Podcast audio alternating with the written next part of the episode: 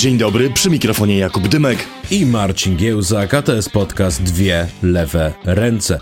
Dzisiaj porozmawiamy o naszym problemie z hurra liberalizmem. Tutaj definiowanym jako zastępowanie polityki moralizatorstwem, zastępowanie twardego, kolektywnego, budowanego przez lata doświadczenia kapryśnym, indywidualistycznym chcieństwem i w ostatecznym rachunku dopuszczanie do tego, żeby rzeczywistość pożarły symbole. Porozmawiamy o tym, jak Donald Tusk w iście hurre liberalnym duchu wyprawił się do Kijowa, aby spotkać się z prezydentem Wołodymirem Zełeńskim, no i tam wyłożył nam hurre liberalne credo. Opowiadał o tym, że w sumie polityka to nie konflikt interesów, ale walka dobra ze złem, e, układanka międzynarodowa to nie szachy, to warcaby. Mówił dużo, mówił ładnie, a jednocześnie mówił tak, żeby nic konkretnego nie przekazać. My z kolei o ten to pierwszy konkret Tuska zapytamy, no bo spróbujemy podrążyć temat tego, jak będą wyglądały relacje polsko-ukraińskie, co z tej wizyty ma wynikać w praktyce. E, dużo mówił też Javier Milei podczas swojego pobytu e, w Davos, gdzie brał udział w Światowym Forum Ekonomicznym. Mm, jego wykład, bo chyba tak trzeba nazwać to wystąpienie, mógłby być zatytułowany e, Teoria anarchokapitalizmu. My z kolei spróbujemy się pochylić nad praktyką tegoż. Argentyna jest bowiem pierwszym w dziejach dużym państwem, które wypróbuje wdrażanie recept Ayn Rand mm, w rzeczywistości. Zastanowimy się nad tym, co w istocie rzeczy Javier Milei chciał nam powiedzieć i co z tego wszystkiego wyniknie dla Argentyny i świata. Ale zaczynamy od tematu bardzo bieżącego, mianowicie od Wielkiej Orkiestry Świątecznej Pomocy. Joi również towarzyszy mm, głęboko hura mm, liberalne przekonanie, że w sumie po co nam polityka społeczna, skoro możemy mieć społeczną mobilizację. E, kiedy była powódź, orkiestra grała dla powodzian. Kiedy był COVID, orkiestra grała dla tych najbardziej narażonych skutkami tej choroby, dla pacjentów hospicjów, dla ludzi znajdujących się w domach e, pomocy społecznej. Kiedy wybuchła wojna na Ukrainie, orkiestra grała dla Ukraińców. W 22 polskich miastach mamy ronda imienia Wielkiej Orkiestry Świątecznej Pomocy. E, w Mińsku Mazowieckim jest ulica, w Ostrudzie jest most, w mojej rodzinnej Łodzi jest pomnik Wielkiej Orkiestry Świątecznej Pomocy. Jerzy Owsiak nominowany był kilka razy do pokojowej Nagrody Nobla. Innymi słowy, ludzie ludziom, serce sercom, E, może my tutaj po prostu szukamy dziury w całym i czepiamy się, jesteśmy popsuj zabawami, kiedy należałoby normalnie i po ludzku ten odcinek poświęcić na to, żeby wesprzeć e, WOŚP. Co to o tym myślisz? Czy pobłądziliśmy? Myślę, że możemy długofalowo zrobić dużo więcej dobrego, jeżeli będziemy opowiadać o tym, jak działają takie systemy jak NFZ czy ZUS i zwiększając dzięki temu wsparcie dla systemowych rozwiązań problemu, niż zbierając jednorazowo kwotę rzędu 5, 10, a może nawet 20 tysięcy złotych, ponieważ taka kwota wydawać by się mogła jest duża z punktu widzenia indywidualnego darczyńcy, ale zarazem jest kwotą wręcz nieistotną z punktu widzenia systemu ochrony zdrowia i pozwoliłaby sfinansować pewnie jeden zabieg. Co więcej, uważam też, że jako dziennikarze i twórcy, którym bliskie są takie idee sprawiedliwości społecznej, e, państwa dobrobytu czy redystrybucji, powinniśmy promować raczej reformy zmierzające do usunięcia przyczyn problemu, a nie jego skutków i pokazywać, jak można uczynić państwo, system ochrony zdrowia, system zabezpieczeń społecznych skuteczniejszym, a nie promować okazjonalną filantropię, czyli takie przekonanie, że jednorazowe zrzutki mogą uratować jakąkolwiek działkę czy dziedzinę działania tego państwa, niekoniecznie samą ochronę zdrowia. Moim zdaniem jest nawet gorzej. Promowanie takiego przekonania bardziej szkodzi niż pomaga, bo pozwala ugruntować takie bardzo fałszywe wyobrażenie o tym, jak to wszystko działa. Mm, ale myślę, że dyskusja o Wielkiej Orkiestrze Świątecznej Pomocy jest w Polsce w ogóle tak spolaryzowana. Nie dlatego, że temat zabezpieczeń społecznych, ochrony zdrowia albo filantropii budzi w nas takie emocje. Oj nie. Wydaje mi się, że ta dyskusja jest tak gorąca i budzi i prowadzi do tak żywiołowego sporu dlatego, że przy okazji Wielkiej Orkiestry Świątecznej Pomocy spotykają się takie w ogóle dwa archetypy e, myślenia o sobie, o Polsce, o państwie. Zdarzają się, że użyję dużego słowa dwie tożsamości. Jedna z tych tożsamości mówi, że człowiek jest kowalem własnego losu, sam najlepiej wie na co wydać własne pieniądze, Ilekroć e, państwo sięga mu do kieszeni, żeby je wydać, to z całą pewnością te pieniądze zmarnuje. I drugi z tych archetypów no, mówi coś zgoła e, przeciwnego, że charytatywa nam nie pomoże, że filantropia nie zastąpi działającego państwa, a podatki nie są złodziejstwem, lecz e, elementem tego, że żyjemy dzisiaj w państwach bezpiecznych, pokojowych e, i funkcjonujących, pomimo wszystkich ich e, tutaj obecnych wad. I te dwa archetypy, czy te dwie tożsamości nie tylko odzwierciedlają pewne postawy w myśleniu o państwie, ale też powiedzmy sobie otwarcie są maskami nakładanymi na pewien polityczny konflikt w Polsce, bo tę pierwszą postawę reprezentują e, ci związani z uśmiechniętą Polską, e, ci fajnopolacy, ci ten krajanie, e, a drugą lewica, która często bywa w ostrym konflikcie o filantropię właśnie z liberałami i prawica. E, I być może udałoby się z tego napięcia wybrnąć, gdyby nie toksyczne emocje i toksyczny język, który też towarzyszył krytyce Wielkiej Orkiestry Świątecznej Pomocy przez lata. Ponieważ prawicowa krytyka WOŚP-u z kolei pomijała te wszystkie aspekty, o których my dzisiaj będziemy mówić. No, czyli wad, wadę filantropii jako rozwiązania na społeczne problemy, problemy, jej nieefektywność, e, pewne błędy w myśleniu o państwie w ogóle, czy systemowych reformach, a skupiała się personalnie na Owsiaku, atakując go lub insynuując mu różne mniej lub bardziej prawdziwe mm, błędy i nieuczciwość, a zarazem próbowała zdyskredytować ideę WOŚP jako takiego e, od, od samego początku, używając ataków czasami po prostu dość, dość niskich i personalnych. Obrońcy Wośpu z kolei e, też nie byli w tej walce ani przesadnie e, czyści, ani nie prowadzili jej w sposób sportowy i elegancki, no bo z kolei nazywali świadczenia społeczne e, rozdawnictwem, e, wyzywali tych drugich od e, leni, oszustów czy, czy roszczeniowców, a jakąkolwiek krytykę filantropii zamożnych Polaków bawiących się filantropię czy owsiaka, nawet uczciwą, nawet taką prowadzoną z pozycji propaństwowych i rzetelną, traktowali jako zamach na wszelkie świętości. My, jak sądzę, dzisiaj wyjdziemy z okopów tego sporu i porozmawiamy o tym, jak na filantropię patrzeć inaczej i nie dać się zaszantażować żadnej ze stron tego toksycznego, powtórzę to słowo, sporu. Pełna zgoda i również taką jest moja intencja. Jeżeli chodzi o prawicową krytykę, żeby ten temat e, pogrzebać, no to powiem jeszcze, że tam według mnie jednoznacznie pobrzmiewały też takie wątki.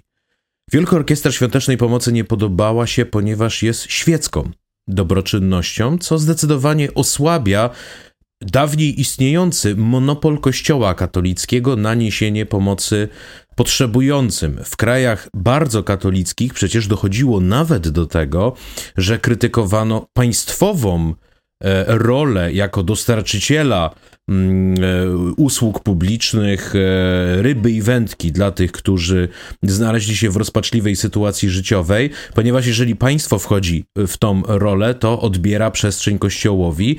No, dość powiedzieć, że w Irlandii, w czasach, kiedy jeszcze panowanie kościoła było tam znacznie silniejsze, opinią publiczną wzburzyło kiedyś głosowanie w parlamencie nad tym, aby osoby niewidome i E, uzależnione od innych, czyli osoby niewidome i niesamodzielne, otrzymały jakieś minimalne świadczenie z budżetu państwa na to, żeby mogły wyżyć, opłacić rachunki, mieć co do jedzenia i to, to upadło w parlamencie, ponieważ posłowie prawicowi argumentowali, że przecież jest Kościół i nie ma potrzeby, żeby Kościół w jego zasadniczej roli zastępować. Myślę, że nie podobała się też oddolność tej inicjatywy.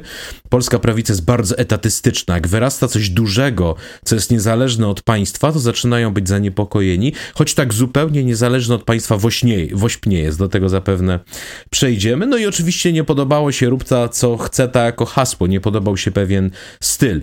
Lewicowa krytyka Wielkiej Orkiestry Świątecznej Pomocy jest zupełnie inna.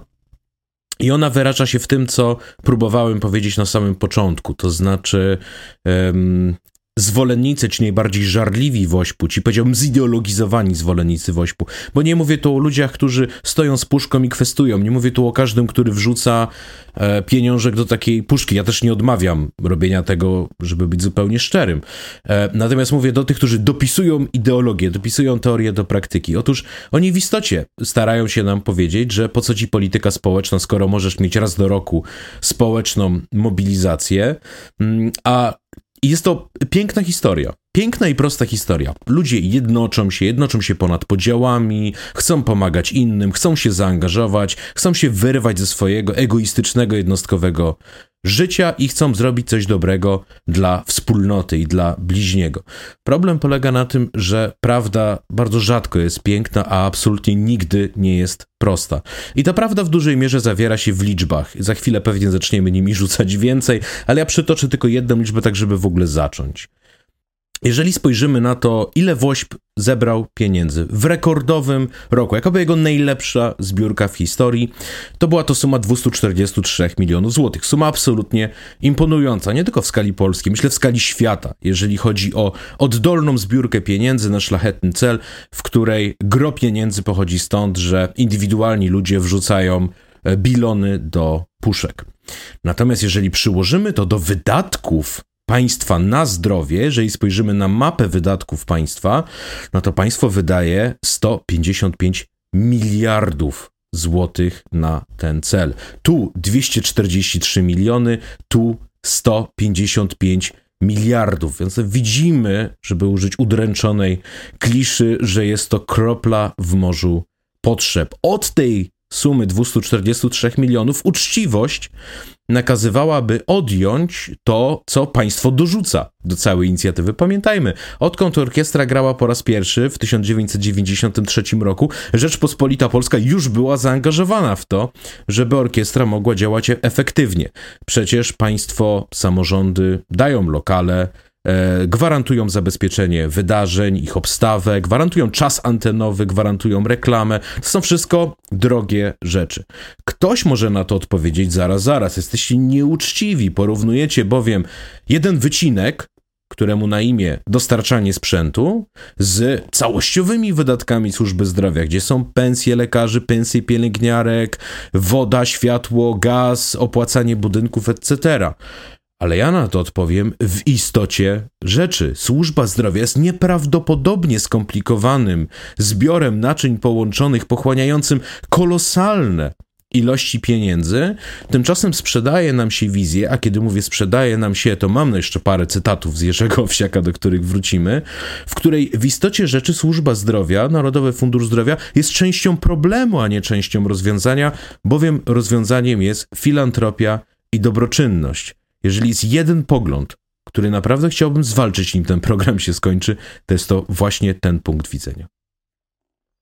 Co więcej, często pojawia się taki argument, że e, w ramach Wielkiej Orkiestry Świątecznej Pomocy są zbierane dobre środki, bo środki, które idą na zakupy niezbędnego sprzętu, a NFZ zbiera te złe środki, które idą na pensje, a więc są przejadane.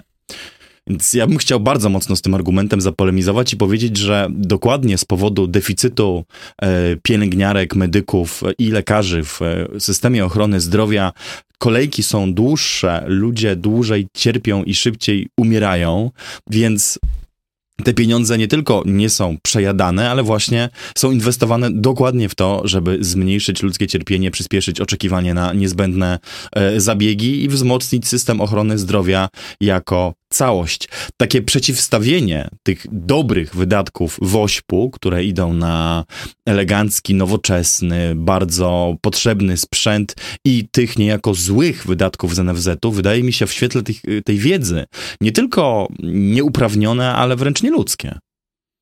I, no, Mało tego, pozwól, że z całą demagogią zadam następujące pytanie.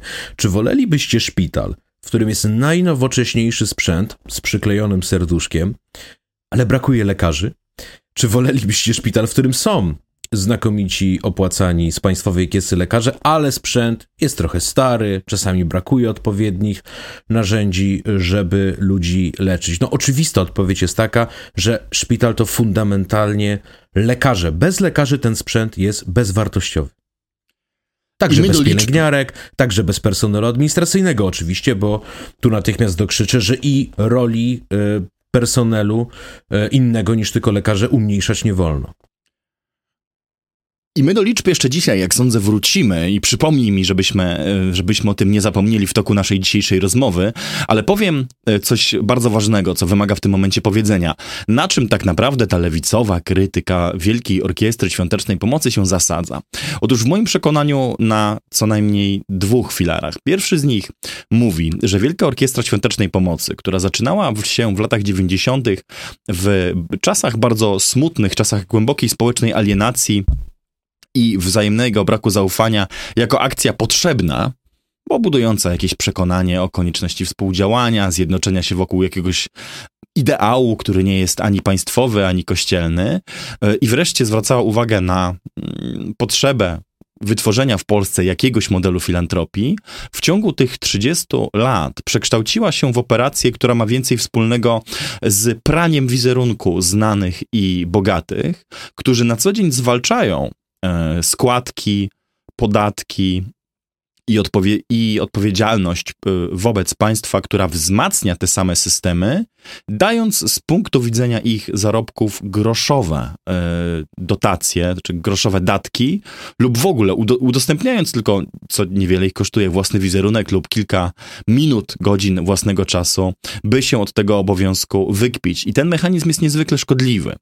bo on buduje wrażenie, że ci bogaci ludzie, którzy nie płacą lub bardzo mocno się wmigają od płacenia składek i publicznie zniechęcają do e, pu publicznych systemów e, ochrony zdrowia, są ich dobrodziejami, co jest jakby nieprawdą, ale po drugie buduje też takie wrażenie, że to na filantropii i dobroczynności e, system ochrony zdrowia po prostu stoi. On by się bez niej załamał. To jest ten drugi filar lewicowej krytyki, który mówi, że w toku tej akcji, która była u swojego zarania słuszna, wydarzyło się bardzo wiele takiej niedobrej, propagandowej, antypaństwowej pracy, której tak, do której także dokładały się e, bardzo niemądre wywiady Jerzego Owsiaka.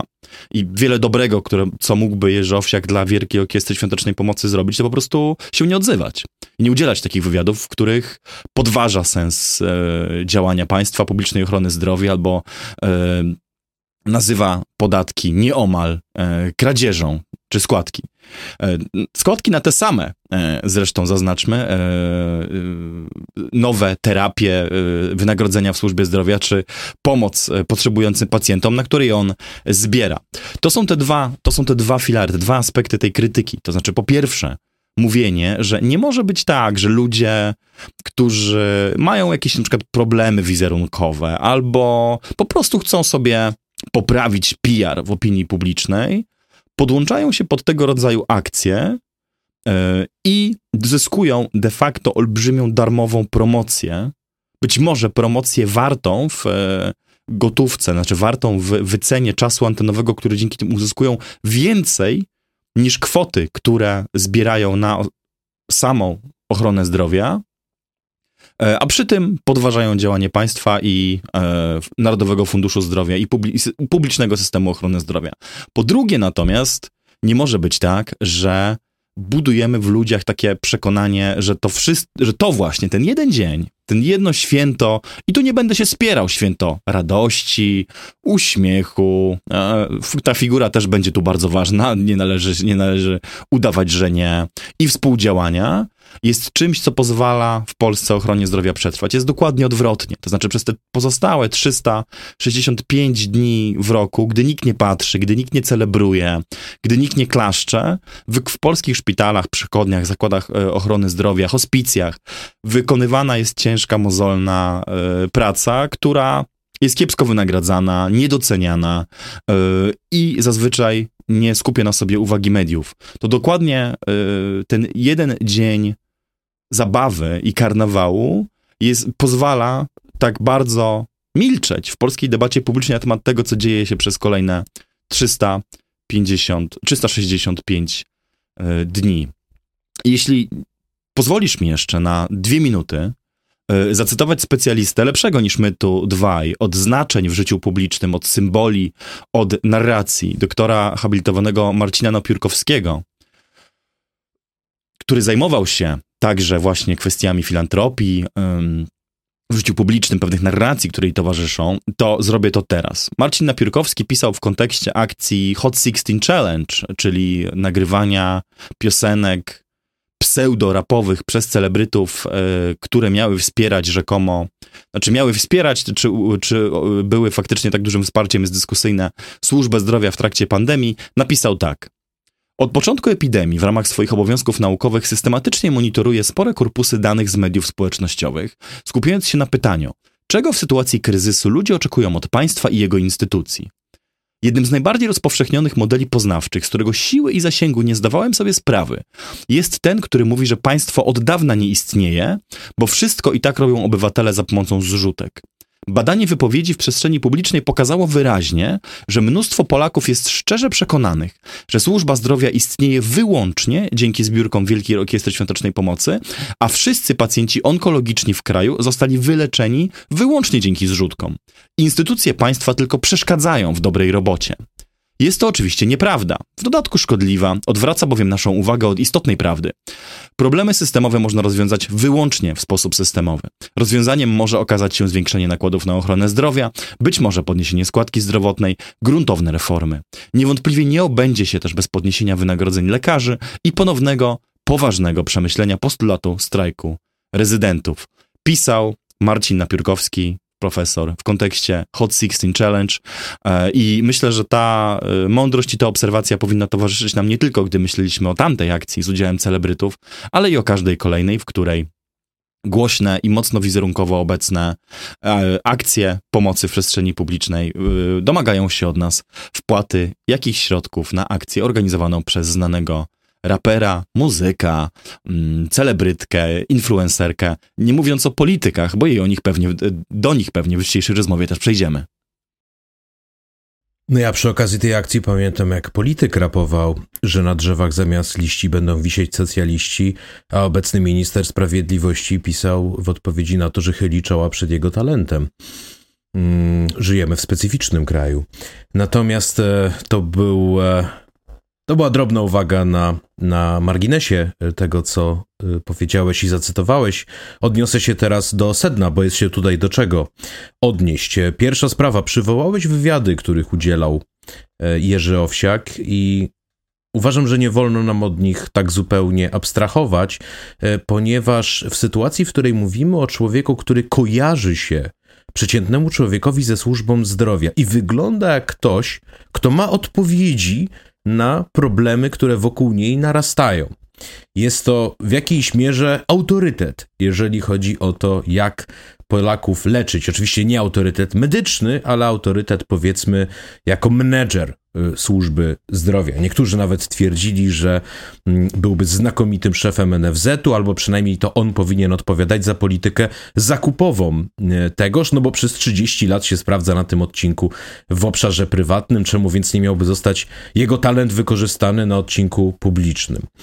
Otóż jeżeli przeanalizujemy, co Jerzy Owsiak mówi, a następnie zestawimy to e, z tym, o czym pisał profesor Napiórkowski, no to zrozumiemy, dlaczego Polacy mają takie przeświadczenie. No jeżeli autorytety ich y, tworzą im obraz, w której z jednej strony mamy niezwykle skutecznie działające fundacje bazujące na zrzutkach, a z drugiej strony mamy tępe, nieefektywne, zbiurokratyzowane, bezduszne państwo, no to nie może absolutnie dziwić, dlaczego w takim prostym dualistycznym obrazie, w takiej prostej dychotomii e, jedno wartościują pozytywnie, drugie negatywnie, na jedno łożą chętnie, a na drugie nie chcą łożyć wcale.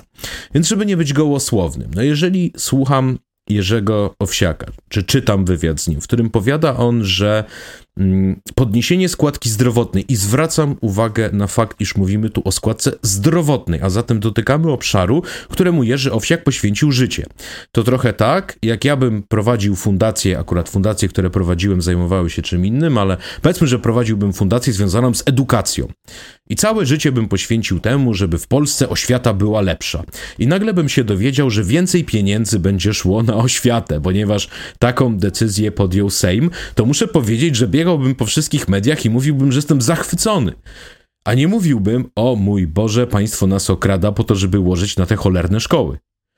Więc tutaj mamy do czynienia z sytuacją, w której składka zdrowotna w przypadku zamożnych przedsiębiorców zostaje podniesiona. Ja bym powiedział, to już jest moja prywatna opinia, zostaje urealniona. No bo jeżeli ktoś płacił 250 zł miesięcznie, zarabiając duże pieniądze, jak na polskie warunki, a ma płacić 1000 złotych, Mm, no to oczywiście nie jest to dla niego przyjemne, ale nie są to różnice, które przewrócą jego budżet domowy.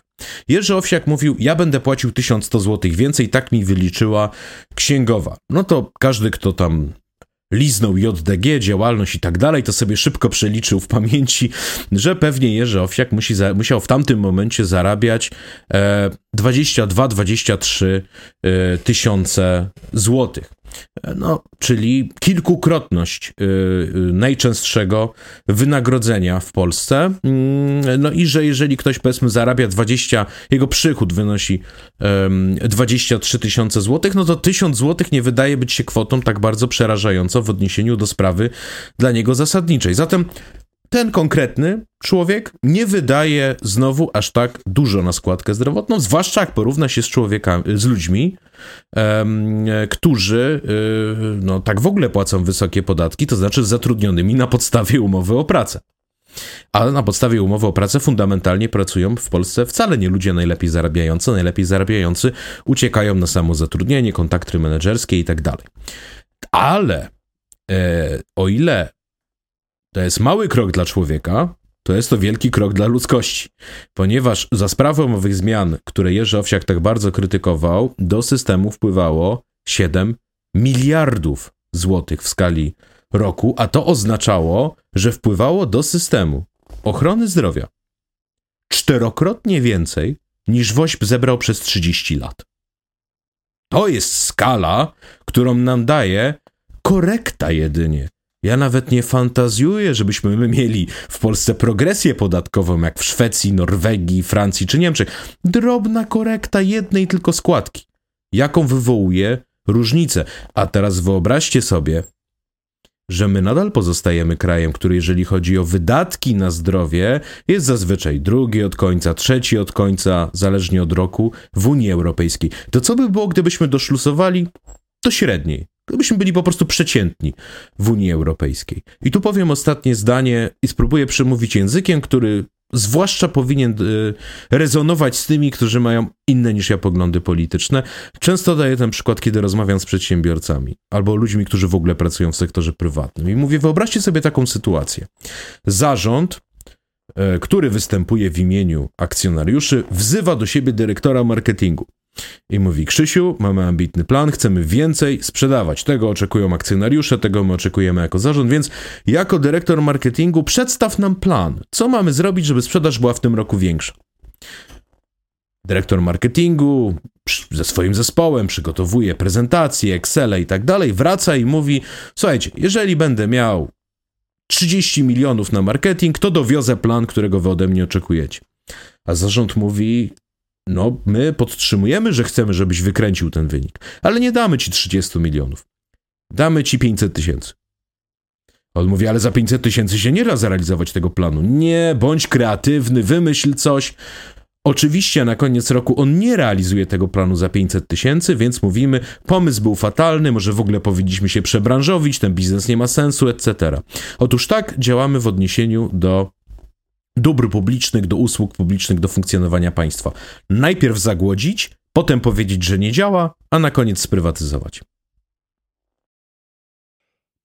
Powiedziałeś o zamożnych, e, więc ja od razu e, po, dokrzyczę, że problem z zamożnymi w strukturach w ogóle Wośpu jest dwojaki, bo ta impreza także przekształciła się w swego rodzaju zabawę od bogatych dla bogatych.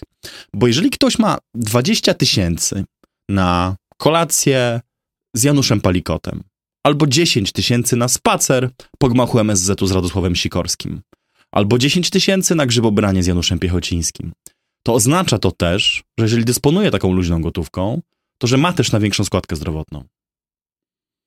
A te kwoty, o których mówię, te 10 tysięcy, 20 tysięcy, w ogóle nie dorastają nawet. Do pięt tym najbardziej imponującym kwotom, jakie ktoś jest w stanie przeznaczyć na aukcję Wielkiej Orkiestry Świątecznej Pomocy, bo gdy dziś patrzyłem, to najpopularniejszą aukcją wśród tych, które znalazłem, był wyjazd na weekend golfowy z Rafałem Brzoską i Omeną Mensa do Hiszpanii na dwa dni z kolacją, z degustacją wina i lokalnych przysmaków za 200 tysięcy złotych. Powtórzę po raz kolejny, jeżeli ktoś ma 200 tysięcy złotych na jednorazową akcję charytatywną, którą skonsumuje podczas wyjazdu na pole golfowe, to znaczy, że być może coś jest nie tak w Polsce z nierównościami majątkowymi lub dochodowymi, albo systemem finansowania ochrony zdrowia i powinniśmy to poważnie przemyśleć. No, Ktoś zakrzyknie. Tu jest, tu jest obiekcja, którą podnosi Jerzy Owsiak, bo zwróć uwagę, jeszcze się pod, popastwia nad jednym wywiadem. On mianowicie mówi, zabierają mi 1100 zł, ja nic złego nie zrobiłem, oni mi zabierają, oni mnie każą. Tu powraca ten topos, że jakakolwiek danina, nawet nie podatek, nawet składka zdrowotna jest karą. Więc mówi, oni mnie karzą za to, że jestem pracowity, że jestem uczciwy, etc. i chcą przekazać te pieniądze ludziom, którym się nie chce pracować. Jak dokładnie pieniądze ze składki zdrowotnej trafiają do ludzi, którym się nie chce pracować, pozostaje dla mnie tajemnicą, muszę przyznać, ale zakładam, że to powiedzmy wspaniałomyślnie, że było to przejęzyczenie. Mm, natomiast e, mm, e, tu powstaje tu powstaje e, kolejny e, problem, mianowicie Jerzy Owsiak mówi, ja nie wiem na co te moje pieniądze idą. No, jeżeli to jest składka zdrowotna, to chyba w samej nazwie znajduje się odpowiedź, na co te pieniądze idą. A po drugie, jeżeli mówi, że nie wie, na co idą jego pieniądze z podatków, to znowu jest to kształtowanie niezwykle antyspołecznych postaw. No bo jeżeli idzie Której ulicą, tak, podatki trafiają droga, nie wiadomo gdzie. Idzie, tak. Była właśnie z jego podatków. Jeżeli minął szpital, szkołę, komendę policji, sąd, prokuraturę, filharmonię, stadion, hospicjum, to wszystko to jest dokładnie i precyzyjnie finansowane z tychże podatków.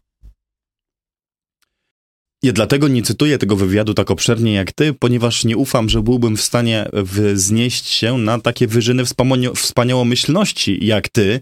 Stąd też powstrzymuję się pod, przed komentowaniem e, tych wypowiedzi e, obszerniej, bo rzeczywiście gotuje się we mnie krew, gdy jestem skonfrontowany z takim poziomem. I nazwę to delikatnie jakby niewiedzy, żeby nie powiedzieć złej woli lub braku chęci zrozumienia, jak działają elementarne systemy funkcjonowania państwa, na, na, te, na rzecz których rzekomo pracuje się od ponad 30 e, lat. Ty użyłeś tej analogii z fundacją na rzecz edukacji. No, ja ją przez sekundę tylko pociągnę. To znaczy, gdybym ja był szefem, dyrektorem, prezesem fundacji zajmującej się edukacją od 30 lat, to oczywistym byłoby chyba oczekiwanie ode mnie, że będę wiedział po 30 latach podobnej pracy, nawet pracy filantropijnej, że o działaniu systemu i finansowania oświaty w Polsce wiem bardzo dużo. A nie odpowiadam, że właściwie nie wiem, na co te pieniądze idą że ktoś mi je zabiera, ale ja nie mam pojęcia na co one idą. Ale to jest tylko okazja do tego, żeby powtórzyć słowa moje sprzed kilku minut.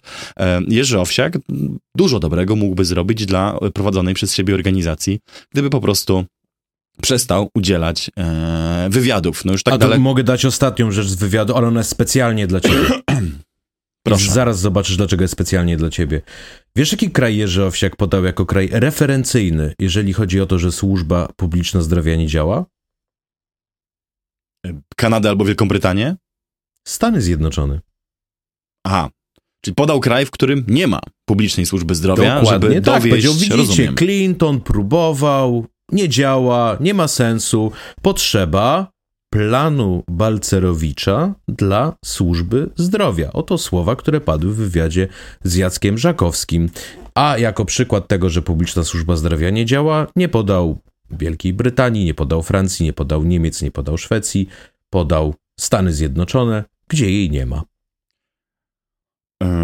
Ktoś złośliwy, nie ja, nie ty, ktoś może o ostrzejszym temperamencie, e, powiedziałby, że to jest dokładnie taka retoryka, jaką z chęcią wspierałyby e, koncer wielkie koncerny działające w ochronie zdrowia, ubezpieczalnie inne podmioty chcące sprywatyzować e, rynek służby zdrowia w takim kraju jak Polska, żeby podważyć zaufanie do publicznego systemu ochrony zdrowia i zwiększyć chęć jej sprywatyzowania wśród e, polityków i zwiększenia jakby udziału w ogóle prywatnych podmiotów w tym, w tym systemie.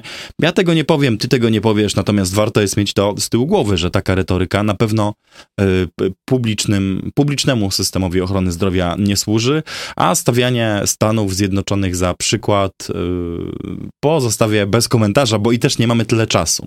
Ale wiesz, powiedziałem, powiedziałem o tych, o tych, o tych bogaczach, nie? o ludziach, którzy mogą zapłacić sobie 200 tysięcy za mm, rejs, wycieczkę, obiad, kolację, przygodę, która jest elementem takiej charytatywnej aukcji. Ktoś odpowie mi, ale co ty wiesz? Bogaci najlepiej wiedzą, co robić ze swoimi pieniędzmi, jak gdyby w ogóle zostawić im więcej w kieszeniach z podatków, to oni sami w ramach mechanizmu filantropii przelaliby te pieniądze na najsłuszniejsze społeczne cele i dzięki temu nie tylko taki woźb nie byłby potrzebny, ale w ogóle państwo by nie było potrzebne, ponieważ ci najzamożniejsi ludzie, którzy dysponują wielkimi majątkami, sami wybraliby najbardziej potrzebujące wsparcia dziedziny i je dofinansowali. Otóż nie, gdyż mamy eksperyment, na żywym organizmie, tak, tak, Stany Zjednoczone właśnie, gdzie ów model postanowiono przetestować. Badacze, Stany Zjednoczone są krajem, gdzie filantropia ma się dobrze, ma to wiele wspólnego z migrującymi tam e, protestantami ze Szkocji, Irlandii, Anglii, którzy te obecne w swoim kraju pochodzenia i w swoim, w doktrynie swoich wyznań przy, ideę przewieźli na nowy kontynent. I ja nie będę mówił, że wszyscy filantropowie w dziejach Stanów Zjednoczonych e, to byli źli ludzie, wręcz przeciwnie.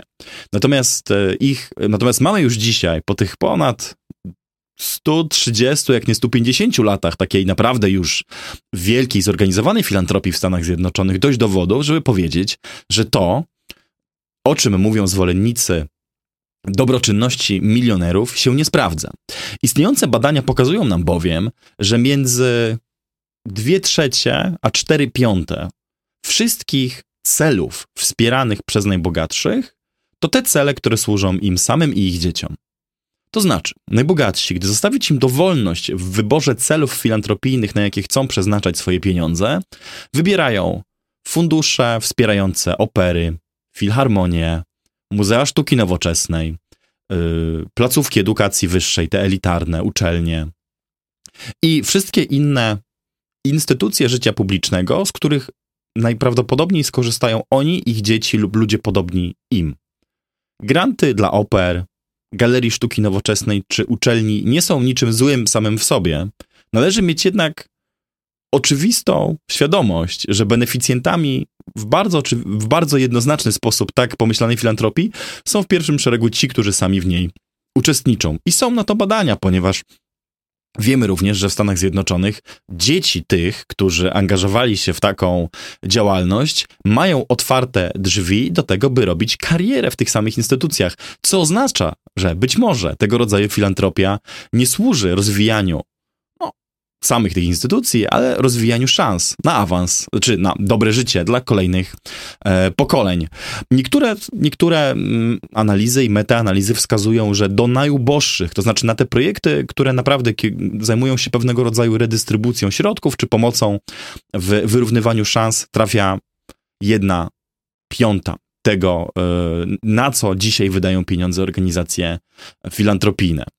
Polska jest przykładem, i tu będę kończył, być może jeszcze gorszym, ponieważ o ile w Stanach mówimy o tym, że filantropia ma 130, 150, 200 lat historii, jest rozwiniętą, sprofesjonalizowaną, wielką gałęzią życia społecznego, to w Polsce ta historia jest dużo krótsza, a nasi polscy filantropowie, nawet pomimo wielkich dobrych chęci, jeśli założymy te wielkie dobre chęci, działają w sposób nieskoordynowany, bardzo chaotyczny, podyktowany w dużej mierze często ich własnym ego i potrzebo, potrzebami chwili. Ja nie będę tu rzucał nazwiskami, choć mógłbym, ale jesteśmy w stanie wytknąć palcem takich polskich bogaczy, którzy, gdy jest taka potrzeba, to zajmują się pomocą Ukrainie, gdy jest taka potrzeba, to e, ofiarom e, przestępczości seksualnej, gdy jest taka potrzeba, to chorym na e, long COVID, a gdy jest taka potrzeba, to wcześniakom, e, a jeszcze gdy potrzeba dyktuje coś innego, to na przykład ofiarom e, suszy w jakimś kraju Afryki subsaharyjskiej lub uchodźcom próbującym dostać się do Europy, zmieniając swój kalendarz priorytetów względem potrzeb wizerunku kreowanego w wysokonakładowych mediach. I to jest samym dowodem na to, że takim ludziom być może nie warto powierzać prowadzenia takich działań, bo w porównaniu do fachowych organizacji, którym jakby też zachęcam do pomagania, oni nie są w stanie nawet w sposób fachowy i systemowy działać w tej dziedzinie, którą sami sobie wybrali, czyli filantropii właśnie. To prawda, mm, co naprowadza mnie na jeszcze jedną rzecz. Mianowicie wyobrażam sobie, że teraz e, nie jeden krytyk powiedziałby, panowie budujecie chochoła, próbujecie twierdzić, że to jest problem natury klasowej, e, zwracacie szczególną uwagę na bogatych darczyńców, podkreślacie, że polityk, który byłby ostatnim, żeby wzywać do tego, żeby więcej łożyć na służbę zdrowia, bardzo chętnie się ogrzeje w cieple wośpu, że skompromitowany celebryta chętnie to zrobi, że e, biznesmen, którego codzienne praktyki biznesowe są niezbyt uczciwe, tu wyjdzie na człowieka szlachetnego. Albo korporacja, która wyprowadziła z Polski bardzo dużo podatków kompletnie wcześniej. abstrahujecie od tego, co tak naprawdę jest istotą WOŚP-u, e, mianowicie WOŚP nie ma ani zastąpić e, służby zdrowia, e, ani WOŚP nie jest wcale dowodem na to, że ktokolwiek tu jest bardziej szlachetny niż jest. WOŚP jedynie wypełnia luki. Są luki w naszym systemie opieki zdrowotnej. Państwo nie jest w stanie tych luk wypełnić, ktoś musi i WOŚP to robi. E, innymi słowy, gdyby WOŚP nie dostarczył określonego sprzętu w określonym roku, to nie jest tak, że państwo dostarczyłoby ten sprzęt tak czy inaczej. Po prostu by go nie było. Otóż jestem gotów, wiedziony kurtuazją, przyjąć ten argument za prawdziwy. Ale nawet wtedy ciśnie mi się na usta bardzo fundamentalne pytanie. Dlaczego te luki w ogóle istnieją? To jest pytanie. Pytanie nie brzmi, gdzie możemy znaleźć ludzi, żeby zrobili zrzutkę, żeby te luki ad hoc wypełnić. Pytanie brzmi, czemu na odcinkach absolutnie zasadniczych istnieją luki. To jest trochę tak, jak w mm, ostatnich latach istnienia II Rzeczpospolitej e, oficjalna państwowa propaganda mówiła, jesteśmy mocarstwem, jesteśmy potęgą, e, swego nie damy, mm, silni, zwarci i gotowi. I na tym samym oddechu dodawała, a to jest Fundusz Obrony Narodowej, e, bo nie stać nas, żeby kupić sprzęt, jak wojna będzie, więc się zrzućcie. E, samo istnienie fonu wskazywało na fakt, że nie jesteśmy takim znowu mocarstwem. I podobnie jest tutaj. Samo istnienie WOŚP-u podkreśla, że mamy problem. Jedynym państwem, które powtórzyło WOŚP na, w Europie, o którym ja wiem, jest Ukraina. Dziwnym trafem nie ma brytyjskiego wośpu, nie ma francuskiego wośpu, a jest ukraiński odpowiednik. Zatem, jeżeli są luki, to moim zdaniem albo odpowiedzią są pieniądze, i tu już wskazując na fakt, że Polska jest jednym z krajów, które najmniej łożą, według mnie mamy podpowiedź, że e, tak może być w istocie, albo problemem jest zarządzanie. Jeżeli problemem jest zarządzanie, wprowadźmy inne standardy, wprowadźmy lepsze procedury zakupowe. Spróbujmy na przykład spojrzeć na tak wspaniały benchmark, jak brytyjski e, Instytut Zdrowia i Doskonałości Klinicznej, e, i e, kopiujmy jego metody związane z tym, żeby w sposób optymalny wydawać absolutnie każdą złotówkę, która idzie na kupno sprzętu, na świadczenie pomocy i tak dalej. Natomiast odpowiedzią nie może być państwo, które robi zrzutka, tym bardziej nie może być polityk, którego obowiązkiem jest zadbać o rozwiązanie systemowe, mm, a który mówi: pozostawmy rozwiązania systemowe na boku. Ja bardzo chętnie wesprę to, że obywatele się zrzucą. Ktoś mógłby też w tym momencie nam zarzucić, że jesteśmy pierwsi do krytykowania, a nie mamy żadnych konkretnych rozwiązań, albo nawet nie umiemy podeprzeć e, naszej e, e, długiej krytyki jakimiś konkretami. Stąd tutaj od razu wezmę na siebie ten, ten kontrargument tę polemikę i ją przejmę. Dziś, e, może zacznę tak. Zajrzałem do statutu Wielkiej Orkiestry Świątecznej Pomocy, do celów statutowych organizacji. W punkcie numer 7 przeczytałem, że jednym ze statutowych celów Wielkiej Orkiestry Świątecznej Pomocy jest podejmowanie różnych działań mających na celu zapobieganie szerzeniu się i ograniczaniu zjawisk patologii społecznych, w tym w szczególności narkomanii, alkoholizmu i przemocy. Następnie zajrzałem na stronę aukcji Wielkiej Orkiestry Świątecznej Pomocy, żeby zobaczyć, czy są tam aukcje, w ramach których można licytować alkohol albo wydarzenia związane z konsumpcją alkoholu. Tak było. Nie będę upierał się, że jest to skala masowa, nie będę nikomu, nikogo próbował przekonać, że e, jakiś istotny filar wsparcia, który idzie na Wielką Orkiestrę Świątecznej Pomocy, pochodzi z reklamowania alkoholowych imprez, ale też nie będę kłamał, że ich tam nie ma, bo są. Jednocześnie w Polsce Wpływy z akcyzy od wyrobów alkoholowych e, od stycznia do października 2023 roku wyniosły nieco ponad 11 miliardów złotych. Zaś koszty wynikające z konsumpcji alkoholu w Polsce Państwowa Agencja Rozwiązywania Problemów Alkoholowych, dzisiaj nazywająca się Krajowym Centrum Przeciwdziałania Uzależnieniom, szacuje rocznie na ponad 30 miliardów. Oznacza to, że podniesienie akcyzy o przepraszam, wpływów z akcyzy, to nie jest jednoznaczne, podniesienie wpływów z akcyzy o 2% w skali roku mogłoby wyrównać kwotę najbardziej udanej zbiórki w ramach Wielkiej Orkiestry Świątecznej Pomocy w jej historii. Stąd mój taki socjaldemokratyczny kompromis pomiędzy krytykami Wośpu, jego zwolennikami, między tymi, którzy uważają, że należy zbierać samodzielnie, a między tymi, którzy uważają, że powinno przejąć to państwo, byłby następujący. Że niech Wielka Orkiestra gra sobie do tego ostatniego dnia i jeden dzień dłużej i niech zbiera, może z mniejszym udziałem patocelebrytów, jeśli mógłbym o coś prosić. Natomiast państwo wyrówna tę kwotę. Państwo dołoży się w ramach specjalnego funduszu na zakup sprzętu medycznego w kwocie równowartej najhojniejszej zbiórce WOŚP w historii, zwiększając wpływy z akcyzy od wyrobów alkoholowych o te 2%.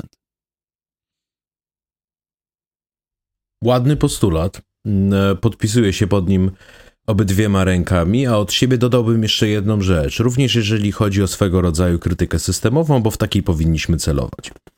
Otóż mm, jest taka brytyjska publicystka i badaczka, która nazywa się e, Poppy Coburn. I od razu powiem, że związane są one raczej z prawą e, stroną tamtejszej sceny politycznej, która czasami mówi o sobie, że jest największym potworem e, w Anglii, dlatego, bo zajmuje się dobroczynnością i krytyką. I ludzie natychmiast mówią, jaki człowiek występowałby przeciwko dobroczynności. Natomiast ona dała przykład, i to już według mnie wskazuje na skalę problemu, jeżeli musimy szukać u konserwatystów argumentów, e, ale ona dała przykład i argumenty, które dla mnie są jednoznacznie socjalistyczne socjaldemokratyczne. Powiedziała mianowicie tak. Przyjrzyjcie się temu, co próbował zrobić e, David Cameron, ogłaszając tak zwane Big Society.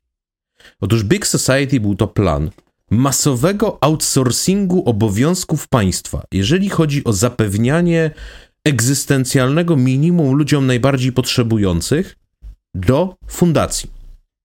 Było to przedstawione w ten sposób, że chcemy rozniecić ogień wolontariatu, chcemy e, promować inicjatywy oddolne, chcemy doprowadzić do sytuacji, w której przeciętni Brytyjczycy biorą sprawy w swoje ręce, a nie czekają na to, aż socjalistyczne państwo coś dla nich zrobi.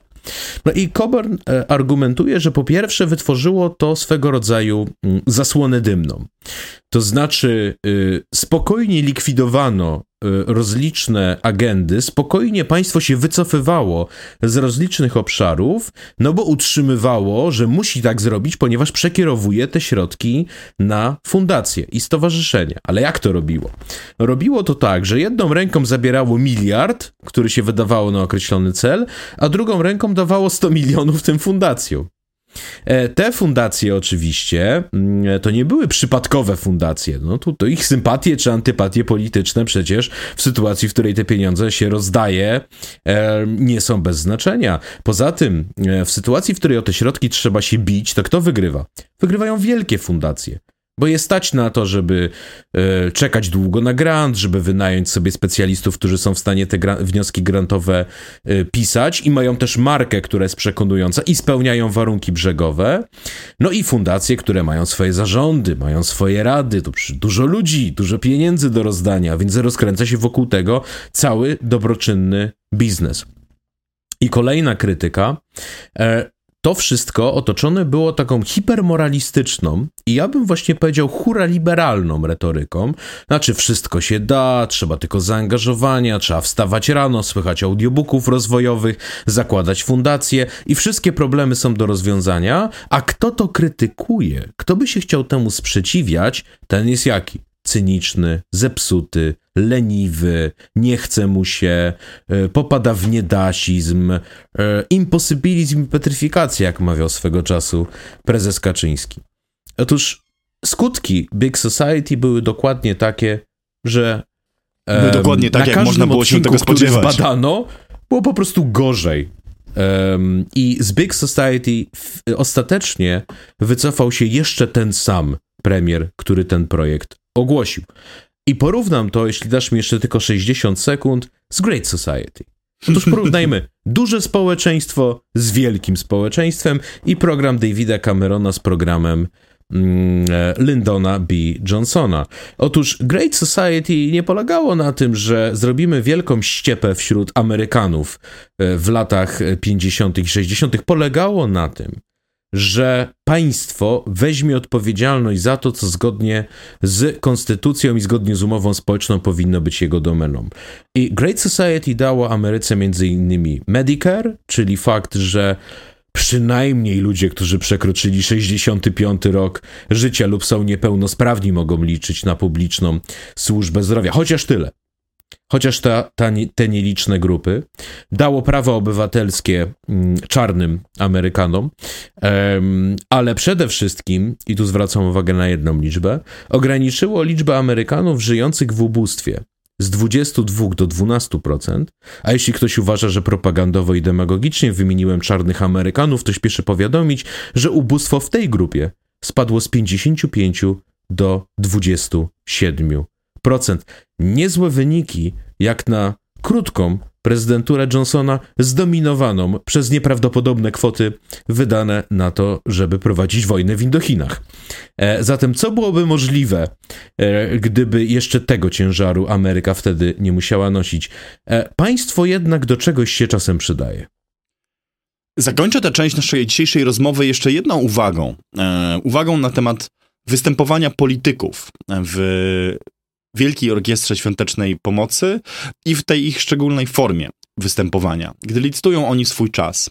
Moim zdaniem, nie wiem, czy da się tego zakazać, ale powinno istnieć bardzo mocne tabu, które by odwodziło od tego funkcjonariuszy publicznych z trzech różnych powodów.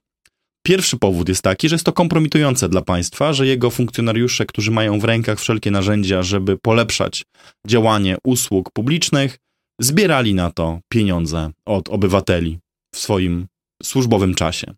Po drugie, jest to szkodliwe, bo yy, możliwość wylicytowania prywatnego czasu polityka to doskonała okazja dla kogoś zamożnego albo lobbysty, żeby się do tego polityka dopchać.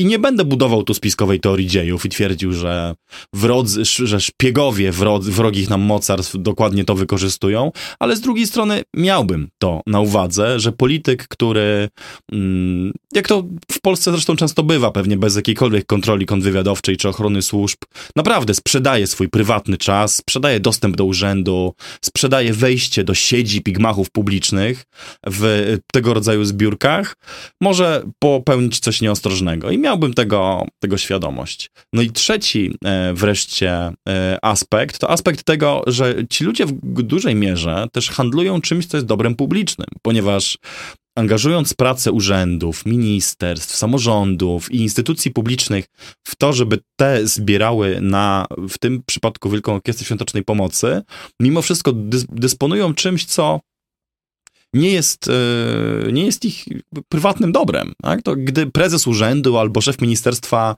e, licytuje czas swoich pracowników i infrastrukturę publiczną, to licytuje coś, co zostało mu powierzone tylko, ale nie jest, e, nie jest jego. I jak słusznie zauważyła dzisiaj Alina Czyżewska, i jak dziękuję jej za ten głos, bo on jest dość trzeźwy, musimy zrobić sobie pewien rachunek sumienia i odpowiedzieć na pytanie, co byłoby, gdyby ci sami politycy wystawiali na licytację w pracy swoich urzędów, dostępu do gabinetów, jakichś, nie wiem, przejażdżek publicznym radiowo radiowozem innych jakby rzeczy, które, które mają, które wynikają z ich dostępu do publicznych zasobów na cele jakiejś fundacji skrajnie prawicowej, albo skrajnie lewicowej, albo skrajnie libertariańskiej i antypaństwowej, albo fundacji, nie wiem, z innego państwa musielibyśmy odpowiedzieć na pytanie, czy naprawdę wtedy dopiero nie powiedzielibyśmy stop, że pewnego rodzaju wykorzystywanie publicznych urzędów i jakby i publicznego majątku do tego, żeby wspierać jakieś inicjatywy, które komuś się podobają, może jest cokolwiek delikatnie nieodpowiedzialne i rodzi podejrzenie o pewien kum, pewnego rodzaju kumoterstwo, nepotyzm albo, nie wiem czy po polsku jest odpowiednie słowo, favorityzm, czyli faworyzowanie e, wybranych inicjatyw kosztem e, innych. Analogicznie powinniśmy się zapytać, czy na przykład akceptowalibyśmy, gdyby wszyscy ci politycy e, tak mocno włączyli wszyscy naraz swoje urzędy w kwestię na rzecz Kościoła katolickiego, na przykład jak robią to na Wielką Orkiestrę Świątecznej Pomocy. Ja jestem temu przeciwny.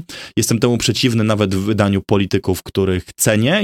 Nie będę tu uprzejmy, nie będę wymieniał ich imion i nazwisk, oni i tak to wiedzą, że jestem wobec nich bardzo w tej dziedzinie krytyczny, ale wzywałbym do tego, żeby jeśli moje argumenty do nich nie, nie trafiają, to przynajmniej pomyśleli przez chwilę na, na kolejny rok.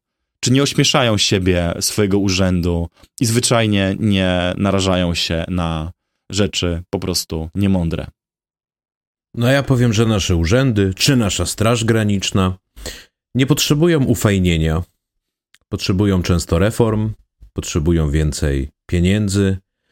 Um, a y, argument y, dotyczący tego, że niniejszym no, niejako mm, miesza się w niebezpieczny sposób politykę, zarówno tą partyjną, jak i tą państwową z działalnością fundacji, czy wolno tego zakazać? No, ja bym odpowiedział, w Wielkiej Brytanii tego zakazano. W 2011 roku przyjęto e, stosowną mm, ustawę, e, a moje przekonanie, że publiczne jest święte, chyba najdoskonalej wyobraża figura austriackiego ministra rolnictwa, który nakręcił fragment swojej reklamówki wyborczej w budynku ministerstwa. Tak, reklamówka trwa 30 sekund, z czego 5 sekund to on w budynku ministerstwa mm, i stracił stanowisko mm, i e, miał z tego powodu poważne nieprzyjemności, ponieważ posłużył się czymś, co nie było jego. To minister jest dla ministerstwa, a nie ministerstwo dla ministra.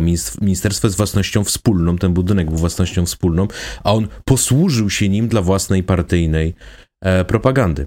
E, więc z mojego punktu widzenia to, co państwowe, należy trzymać z daleka od wszelkich inicjatyw e, prywatnych. E, I mam. E, to też mogłoby być jedno z przesłań, e, które mam nadzieję, że w tym odcinku E, wybrzmią, mm, e, więc e, cieszyłbym się, gdyby było tak, że nie wie lewica, co robi prawica, że państwo robi absolutnie co może na swoim odcinku, fundacje dobroczynne, charytatywne robią absolutnie co mogą na swoim. Mm, niestety w Polsce tak w tym momencie nie jest. Mamy dorozumiany y, stan konkurencji, no a skoro każecie mi wybierać, no to ja stoję po stronie państwa i jego zobowiązań, a nie Y, a nie ludzi i ich dobrej bądź złej woli.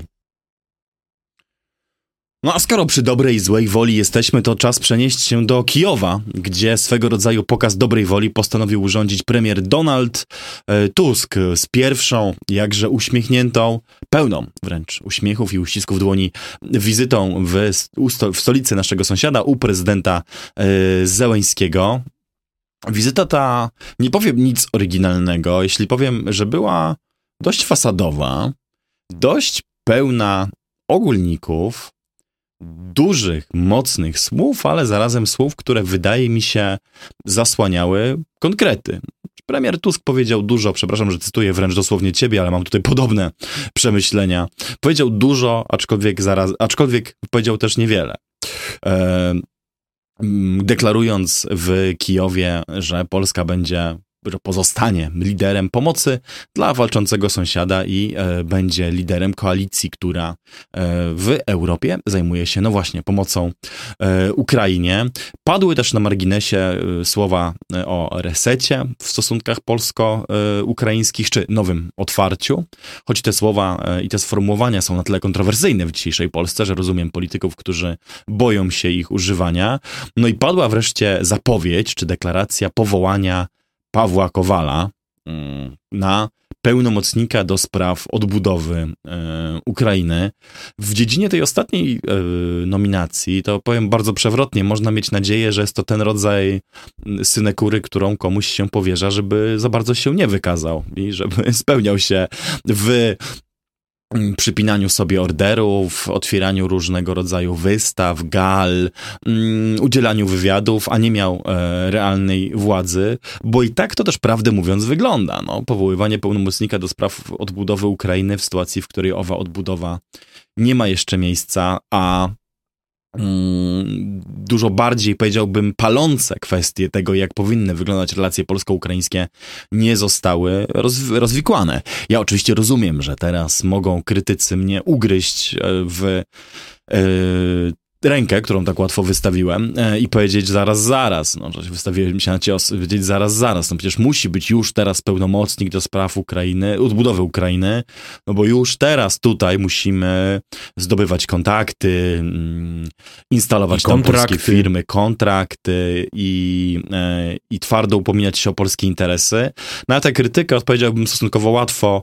Mm, Ktoś o temperamencie i usposobieniu wobec Ukraińców Pawła Kowala jest w moim przekonaniu jedną z ostatnich osób, które mogłyby twa, sta, twardo stawiać warunki, bronić mocno polskich interesów i e, z determinacją e, i agresją lwa wypuszczonego z klatki walczyć tam z innymi o miejsce Polski w wśród partnerów Ukrainy, jeżeli chodzi o e, przyszłe inwestycje. W ogóle to nazywanie tego walką o odbudowę też jest problematyczne, więc powiem tak. W walce o przyszłe kontrakty rządowe, których udzieli państwo ukraińskie.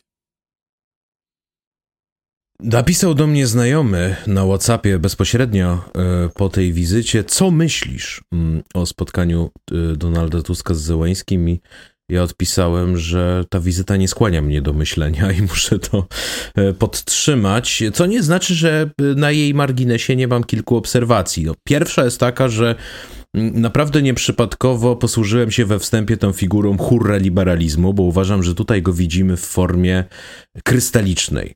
Mm, Oczywiście rozumiem, że tu y, nie jeden krytyk teraz się odezwie i powie, że y, słowo liberalizm, zwłaszcza w kontekście stosunków międzynarodowych, ma konkretne podręcznikowe znaczenie, ale hura liberalizm pozwolę sobie zdefiniować po swojemu, jako ten, kto to pojęcie do mm, tego y, odcinka wprowadził. I powiem, że tutaj bym go rozumiał w ten sposób, że spory w polityce międzynarodowej nie wynikają z różnic interesów. One wynikają ze złej woli, z niewiedzy, z nieporozumień. Tu relacjonujesz, I to rozumiem, to widać- stanowisko, tak? Tak jak hiperrealizm Tak, i- to widzi. Mhm. Tak, i tu widać według mnie y, doskonale y, w wypowiedzi Donalda Tuska, który mówi o tym, że mm, y, mamy tutaj do czynienia z konfliktem dobra ze złem.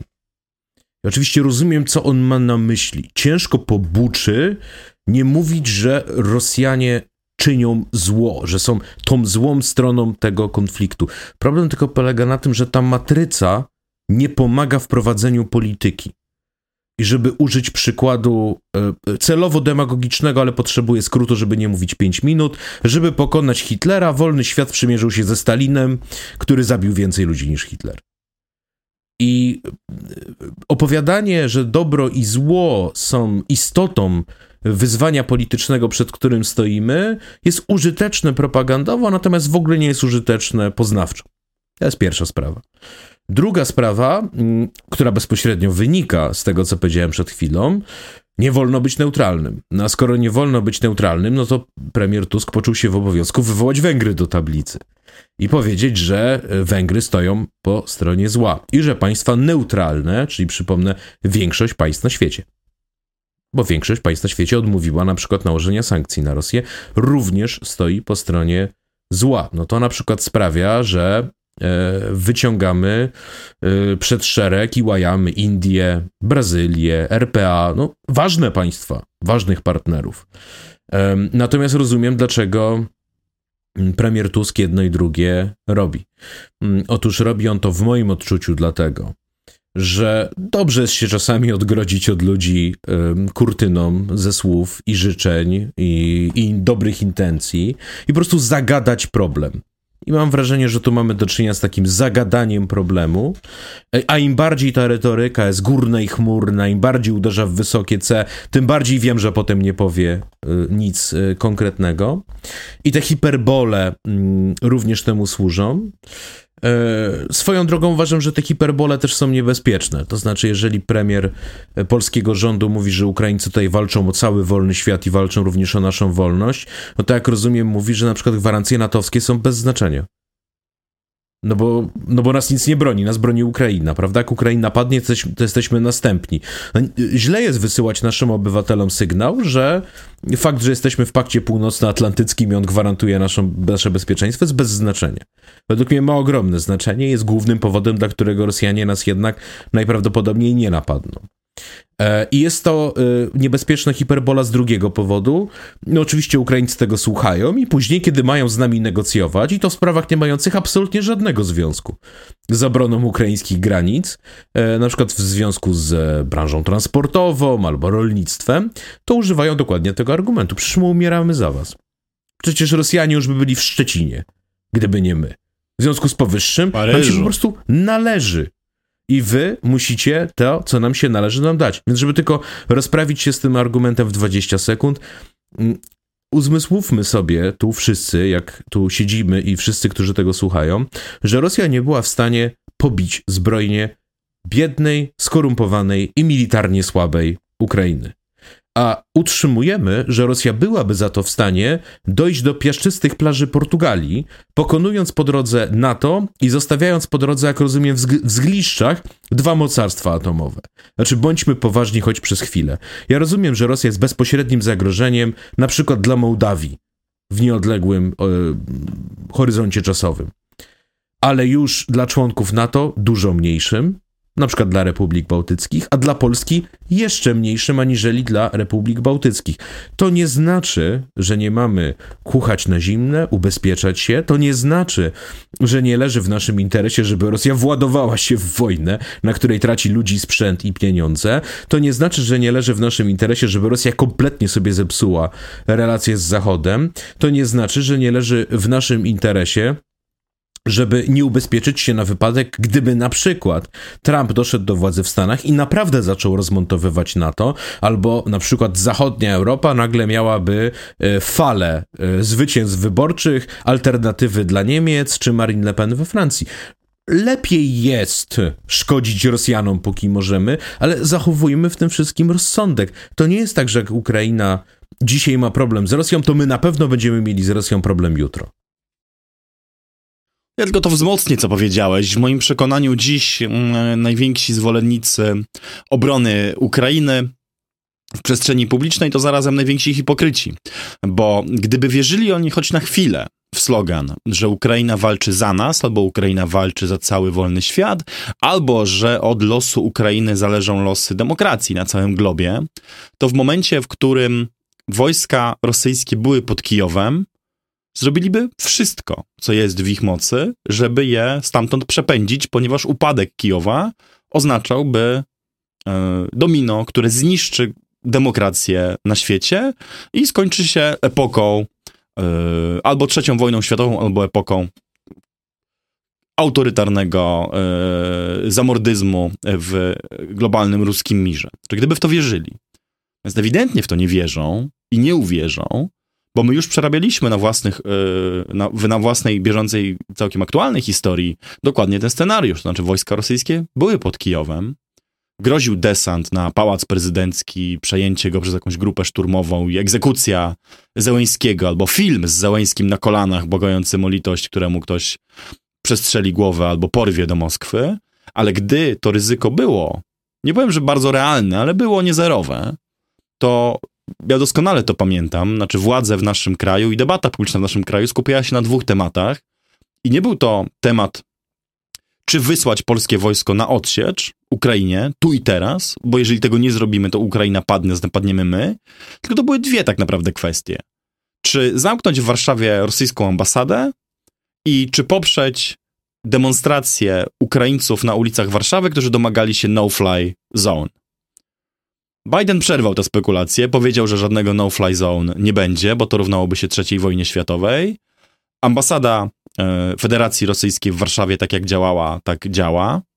E, a Polska nigdy na poważnie nie rozważała wejścia z jakąś próbą odsieczy. Tym bardziej, już nie chcę być bardziej złośliwy niż tego, niż jest to konieczne, ale tym bardziej ci wszyscy pięknoduchowie ze swoich ładnych mieszkań na Mokotowie, pałaców gdzieś na Warmii i Mazurach, czy eleganckich gabinetów, nie rozważali wysłania swoich dzieci na śmierć gdzieś na bagnistych polach. Obwodu, nie wiem, hersońskiego, zaporowskiego czy kijowskiego. E, I ta hipokryzja w jakimś sensie trwa do dzisiaj, bo pod względem sloganów właściwie niewiele się zmieniło, natomiast jeszcze więcej chyba zmieniło się w dziedzinie tego, jak bardzo mało polskie elity polityczne są w stanie relatywnie do możliwości zrobić. Bo ja tylko przypomnę, no, że yy, Polska dzisiaj jest bardzo dużym reeksporterem do Kazachstanu czy Uzbekistanu. Ciekawe, do kogo tam reeksportujemy. No. Ciekawe, jaki potajemny import paliw i nawozów pozwala utrzymywać ich w Polsce tak niską cenę. Ciekawe, skąd tak naprawdę pochodzi to paliwo przerabiane przez rafinerie, które zaopatrują nasze stacje benzynowe. Rzeczywistość nie tylko nie, nie jest taka, że, pol, że polskie elity polityczne, polskie społeczeństwo chciałoby za Ukrainę umierać. Ono nawet za Ukrainę w tym momencie nie chce płacić 9 zł za litr najtańszej bezołowiówki i trzeba sobie to otwarcie powiedzieć, że przepaść między tym, co mówi premier Tusk, o tym, że Ukraina walczy dziś za cały świat, a realną wolą tego, co jest w stanie zrobić nie tylko polski, ale każdy inny zachodni rząd, zieje naprawdę olbrzymią, pustką i jest to prawdziwy kanion. No ja mogę to podbić jeszcze jednym A faktem. jeszcze, dobra, to podbijamy, to robimy. robimy tak, szef brytyjskiego sztabu generalnego, żeby nie, nie, chcę się chwycić tego, co powiedziałeś, że to nie jest jakaś polska specyfika. Bo nie jest. Nie, bo w przypadku Wielkiej Brytanii, która bardzo często była podawana jako kraj wyróżniający się, jeśli chodzi o pomoc Ukrainie, była takim krajem, jest nadal.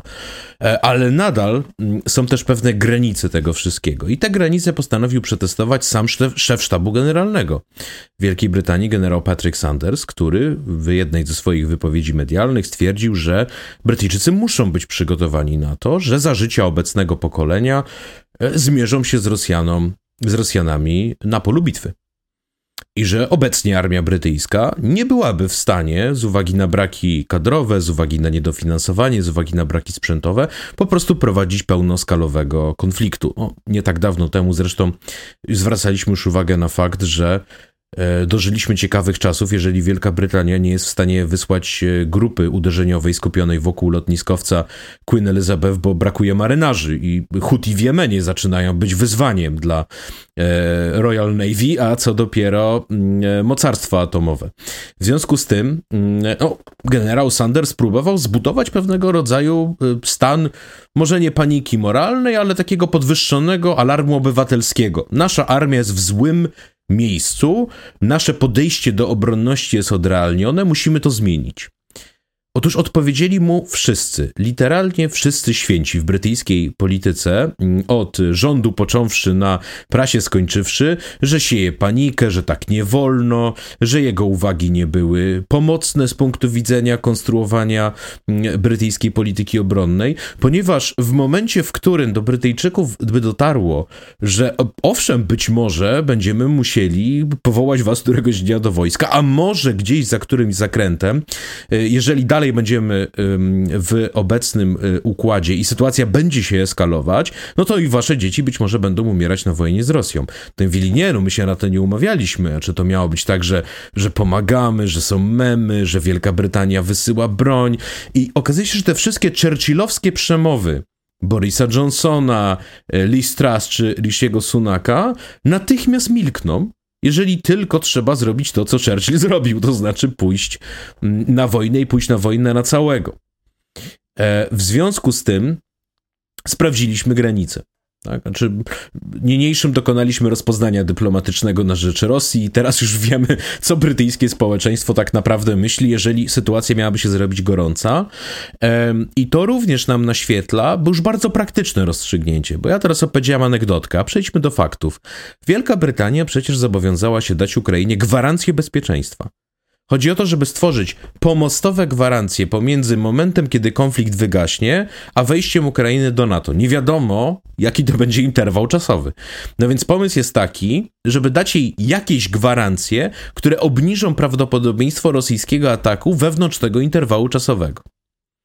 Jakie to są brytyjskie gwarancje? No jak ja słyszę brytyjskie gwarancje, to mam po prostu przed oczyma gwarancje, które Brytyjczycy nam dali przed, przed y, y, 1 września 1939 roku. To znaczy wypowiedzą wojnę Rosji, nie? No dają gwarancje.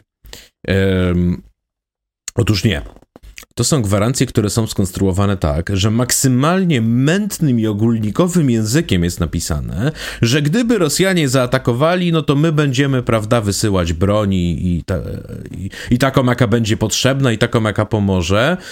No, co w rosyjskiej kalkulacji jest czynnikiem no nie jakoś dramatycznie odstraszującym, bo już dostarczacie broń, a Rosjanie zdają sobie sprawę z dwóch faktów. Pierwszy, wiele mogą zmienić wybory w Stanach Zjednoczonych i paradoksalnie to nie musi być wygrana Trumpa.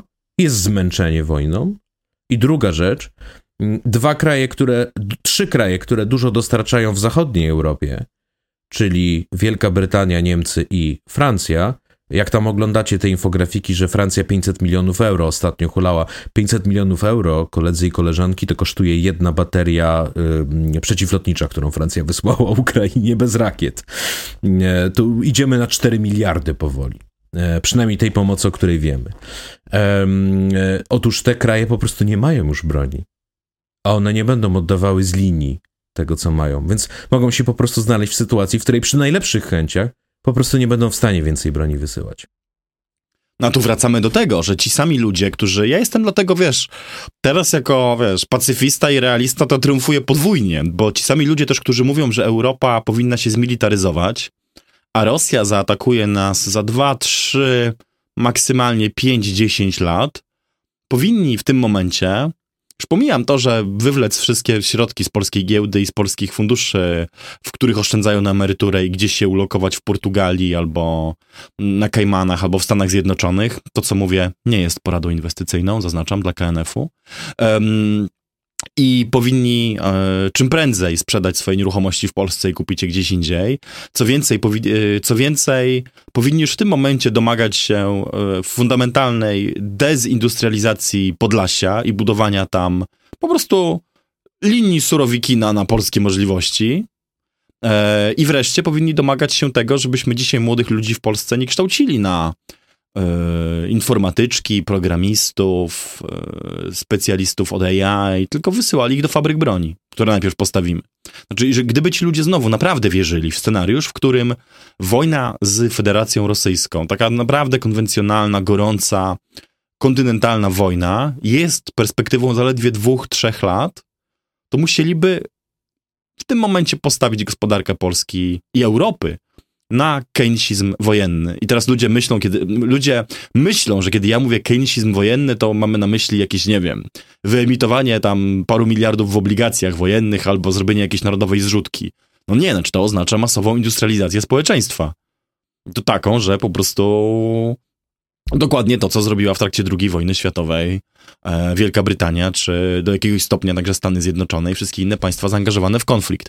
To było też taka I uwaga. Wielka Brytania z tego tytułu zbankrutowała, dodajmy. Imperium Brytyjskie po prostu zbankrutowało. Druga wojna światowa je zrujnowała finansowo warunki spłaty tych kredytów w ramach Lend-Lease narzucone przez Stany Zjednoczone nie były dlatego bez znaczenia, ale w pewnym sensie tak. To znaczy, e, długo, długotrwałe konsekwencje były, były, były oczywiste, choć też pamiętajmy, że gospodarki w trakcie takiego wojennego wzmożenia też dostają dużego bodźca produkcyjnego, tylko to nie zawsze jest taki bodziec, którego byśmy chcieli, bo to też jest coś, o co ja się spierałem z profesorem Piątkowskim, którego bardzo lubimy i gościliśmy tutaj i pewnie jeszcze kiedyś będziemy gościć, ale też się o to z nim spierałem. To znaczy, jeżeli dzisiaj twierdzimy, że trwałym motorem rozwoju będą e, zielone inwestycje, rozproszona energetyka i na przykład, nie wiem, czysty transport i e, inwestycje w AI, no to nie możemy jednocześnie upierać się, że jesteśmy w stanie Y, uzbroić się na konflikt y, z Rosją niejako prowadzony jeden na jeden, tak? No, te środki produkcyjne pójdą albo na jedno, albo na drugie. Nowoczesna teoria monetarna ma taką bardzo błyskotliwą i krótką obserwację, która mówi, że główny nurt twierdzi, że y, zasoby znajdą się na wszystko, tylko pieniędzy nie ma, podczas kiedy w rzeczywistości jest odwrotnie. Pieniądze są i nie są limitem, limitem są zasoby. Czy Polska mogłaby wyemitować z palca za pstryknięciem yy, palców 300 miliardów złotych od zaraz, jak zrobiła to w przypadku pandemii COVID-19? Natomiast nie będzie w stanie wyprodukować za pstryknięciem palca baterii Patriot, min przeciwczołgowych, systemu wczesnego ostrzegania, wyszkolonych kadr oficerskich. To są wszystko rzeczy, których nie można wydrukować sobie z NBP. I dlatego, gdy mówię o keynesizmie wojennym, to nie mam na myśli tego, że raz jeszcze zaciągniemy jakiś dług covidowy, jak Unia w ramach funduszu tam Repower EU i za niego sfinansujemy um, to, że po Wałbrzychu będą jeździły czyste autobusy i bardzo dobrze będą jeździły i że będziemy realizowali termomodernizację budynków. Tylko to wymagały bardzo poważnych e, inwestycji, na które y, ja nie twierdzę, że nie jesteśmy gotowi, tylko powtórzę to raz jeszcze. Jeżeli ktoś uważa, być może są takie osoby, jeżeli ktoś uważa na poważnie, że, że Rosja zaatakuje nas w ciągu dwóch, trzech, pięciu, dziesięciu lat, to powinien traktować to zadanie jako pilniejsze niż cokolwiek innego, niż e, walkę ze zmianami klimatu, niż walkę o, o zbilansowany budżet, niż walkę o, nie wiem, zdrowie psychiczne młodzieży, albo co tu jeszcze jest jakby istotne, w, albo rozliczenie PiSu, o. Znaczy powinien wszystkie te tematy odłożyć na bok i powiedzieć, sorry, od jutra stawiamy zasieki, pola minowe, robimy fabryki e, amunicji, fabryki czołgów e, i przechodzimy w tryb wojenny.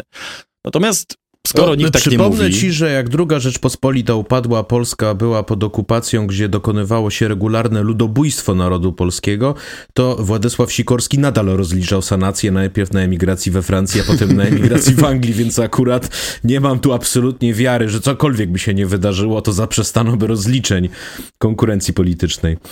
Y, to ja jeszcze króciutko i do własnego ogródka przypomnę o dwóch moich tekstach i zapytam cię, co z tym Pawłem Kowalem? Co to o tej nominacji sądzisz? Bo wymsknąłeś się od tego, od tego pytania, a przecież wiem, że wiem, że masz Nie, pogląd. Ja do niego, ja do niego chętnie wrócę, tylko jeszcze rzucę taki mały przypis do tego, co powiedziałeś, bo powiedziałeś, że Rosja napadnie na Polskę i Europę. I to i Europę jest zawsze niezwykle ciekawe, ponieważ e, ludzie, nawet w gazecie wyborczej był kiedyś taki tekst, Mm, o tym, jakby to wyglądało, jakby Rosjanie uderzyli na zachodnią Europę, i zawsze się pomija jeden fakt, który jest najważniejszym faktem.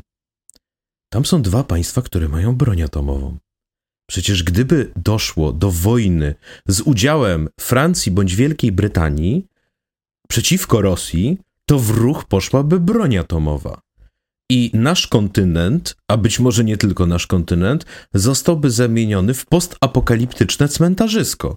I w takim scenariuszu to już nie ma znaczenia, że ty, wiesz, zrobisz sobie plany, yy, czy wyemigrujesz do Portugalii, czy na Kajmany i w to zainwestujesz. Już nie masz żadnych planów. Znaczy w sytuacji, w której wybuchnie wojna nuklearna z udziałem, um, a nie wyobrażam sobie, że wojna nuklearna z udziałem Anglii i Francji nie wciągnęłaby Stanów Zjednoczonych, prawda? E, no to wyobrażam sobie, że wtedy mm, po prostu obserwowalibyśmy śmierć naszej cywilizacji. Mm, e, I, I, jeśli nie rodzaju ludzkiego, zależnie jak bardzo by się ta wojna e, rozkręciła. E, a dodam, że to nie byłyby takie bomby jak te, które spadały na Hiroshima. No tu poszłyby w ruch chociażby bomby wodorowe nieskończenie silniejszy. E, co za tym idzie, tak lekko sobie mówimy, a co by było, gdyby Zachód? No, gdyby Zachód, no to mamy wojnę nuklearną, czyli scenariusz, którym sprawiał, że ludzie żyli w strachu przez wszystkie lata zimnej wojny i który zainspirował dzieła kultury typu Fallout, znowu by się stał absolutnie realny. Mm, e, więc może o tyle film Oppenheimer był na czasie. E, I zwłaszcza jego zakończenie jest na czasie, więc tak łatwo nie twórzmy wizji, w której e, chcemy, żeby Zachód zaangażował się w wojnę, ponieważ e, pamiętajmy, armie zachodnioeuropejskie, e, zwłaszcza brytyjska i francuska, mają bardzo jasną doktrynę. Armia regularna, armia konwencjonalna ma dokonać de facto rozpoznania bojem. To znaczy ocenić, czy to jest wojna naprawdę, czy to są potyczki pograniczne, ale tak naprawdę to oni nie przekroczą pewnej granicy. Jeśli przekroczą pewną granicę, francuskie założenie, y, nie wiem jakie jest brytyjskie, jest z nami doktryną, ale badałem kiedyś francuską. Uderz pierwszy, bo masz mniejszy arsenał. No więc to zostawiam tylko waszej wyobraźni, co by było dalej. Um, I tu? I to powiedziawszy, przechodzę do Pawła Kowala. A, myślałem, że pozwoliśmy powiedzieć jedną nie, rzecz. to powiedziawszy, przechodzę do Pawła Kowala, ale tutaj nie powiem, nie zajmę dużo czasu, bo wydaje mi się, że moja obserwacja jest dość zdroworozsądkowa, intuicyjna. No, ka każda obserwacja. Każdy mówi, że ma takie obserwacje, prawda? Wiem, tylko znaczy wystawiam się na twój e, kontrargument, tylko myślę, że będzie trudnym, żeby go sformułować. Mianowicie, bardzo się cieszę, że mamy takie stanowisko, jak stosowny pełnomocnik do spraw odbudowy Ukrainy. Dziwi mnie, że już od lat nie prowadzimy mm, na tym odcinku dużo bardziej energicznych y, działań. Twierdzenie, że odbudowa Ukrainy to jest temat, którym się należy zajmować y, po tym, jak się skończy wojna, może wywołać jedynie cyniczny uśmiech na ustach y, urzędników amerykańskich, francuskich, niemieckich, japońskich, którzy już od dawna biegają i lobbują. E, a zatem dobrze, że jest takie stanowisko, tylko powiem szczerze, ja bym na tym stanowisku chciał kogoś o temperamencie handlowca. Czyli kogoś, kto umie poczarować, umie sobie zjednać ludzi, ale jest nieprawdopodobnie twardy i wyrachowany, kiedy już przychodzi do liczb, kwot, konkretów i podpisania się nad wykropkowaną linią. Bo mamy partnera, który jest e, nad wyraz i, cyniczny i interesowny w sposobie prowadzenia relacji międzynarodowych, to już chyba nie ulega wątpliwości, prawda? Jak działa ekipa Wołodymyra Zełańskiego i my potrzebujemy dokładnie takich samych ludzi po naszej stronie, żeby dotrzymać im kroku. Tymczasem Paweł Kowal w swoich rozlicznych wypowiedziach robił na mnie wrażenie człowieka, który podchodzi do tematyki ukraińskiej w sposób emocjonalny i który bardzo często referuje nam ukraiński punkt widzenia, jak gdyby to był zbiór obiektywnych faktów, a referuje nam polski interes, jak gdyby to były wymyślne oczekiwania moralnie zdegenerowanego człowieka, który próbuje zrobić interes na wojnie. No i chociażby jego wypowiedzi na temat um, sytuacji na granicy były powtarzaniem ukraińskiej propagandy. E, I w ogóle nie brał on pod uwagę położenia polskich kierowców, położenia polskiej branży transportowej. Insynuował, że tu możemy mieć do czynienia z rosyjską ręką, zarzucał tym ludziom niewiedzę albo złą wolę. Mm, e, to są rzeczy, które nigdy nie powinny były mieć miejsca, więc uważam, że mm, o ile Paweł Kowal jest ciekawym analitykiem, zacnym człowiekiem, uważam, że cechuje go wielka szlachetność, o tyle. Mm, Chciałbym ludzi przede wszystkim efektywnych, skutecznych i widzących rzeczywistość w sposób ostry, mm, aniżeli ludzi, którzy patrzą na tą rzeczywistość przez pryzmat e, tego, jak chcieliby, żeby było, a nie tego, jak jest. To doczeka, doczekasz się ode mnie króciutkiej polemiki, ale nie do końca nawet w temacie samego Pawła Kowala, a recepcji protestu przewoźników bo to jest coś, co mnie gryzło po naszej rozmowie jeszcze kilka dni, jeśli nie tygodni, bo mam takie wrażenie, że jest zbyt duża pokusa, żeby przyjąć to, co mówi polska strona tego sporu za obiektywną i niepodważalną prawdę, tylko dlatego, że jest ona polska. A jednocześnie mm, to też jest pewne lobby, które broni swoich interesów i dość czytelnie wyjaskrawia pewne aspekty tego, tego sporu, tak żeby, żeby ich mm, racje wybrzmiały bardzo głośno i wyraźnie. I ja mam pewne zastrzeżenia. To znaczy, ja, ja uważam, że oczywiście, że ja rozgraniczam dwie rzeczy. Może tak, ja rozgraniczam dwie rzeczy. Mm, Polska ma i powinna. Zobacz, do czego mnie zmusiłeś. Mówię teraz o powinnościach. Możesz potem się ze mnie śmiać i mi to wytykać. Polska ma i powinna, Polska ma obowiązek i powinność mm, obrony interesów naszego przemysłu w starciu z jakimkolwiek innym i to w moim przekonaniu nie ulega wątpliwości. E, natomiast zarazem wydaje mi się, że trzeba y, ulec tej pokusie łapania natychmiast mm, argumentów przedstawionych przez jakąś grupę zawodową, jako uniwersalnie prawdziwe, dlatego że one są polskie. Znaczy wyobrażam sobie, że polscy producenci nawozów, polscy, nie wiem, sadownicy, polscy wytwórcy, nie wiem, opakowań plastikowych w sytuacji jakiegoś sporu handlowego z innym krajem też zawsze by użyli tego argumentu, że to ich, rac ich racja, ich mm, punkt widzenia i ich y, interes, akurat ich branży, leży w sercu interesu narodowego Polski. I kto tego nie rozumie, ten ignoruje naszą polską sprawę.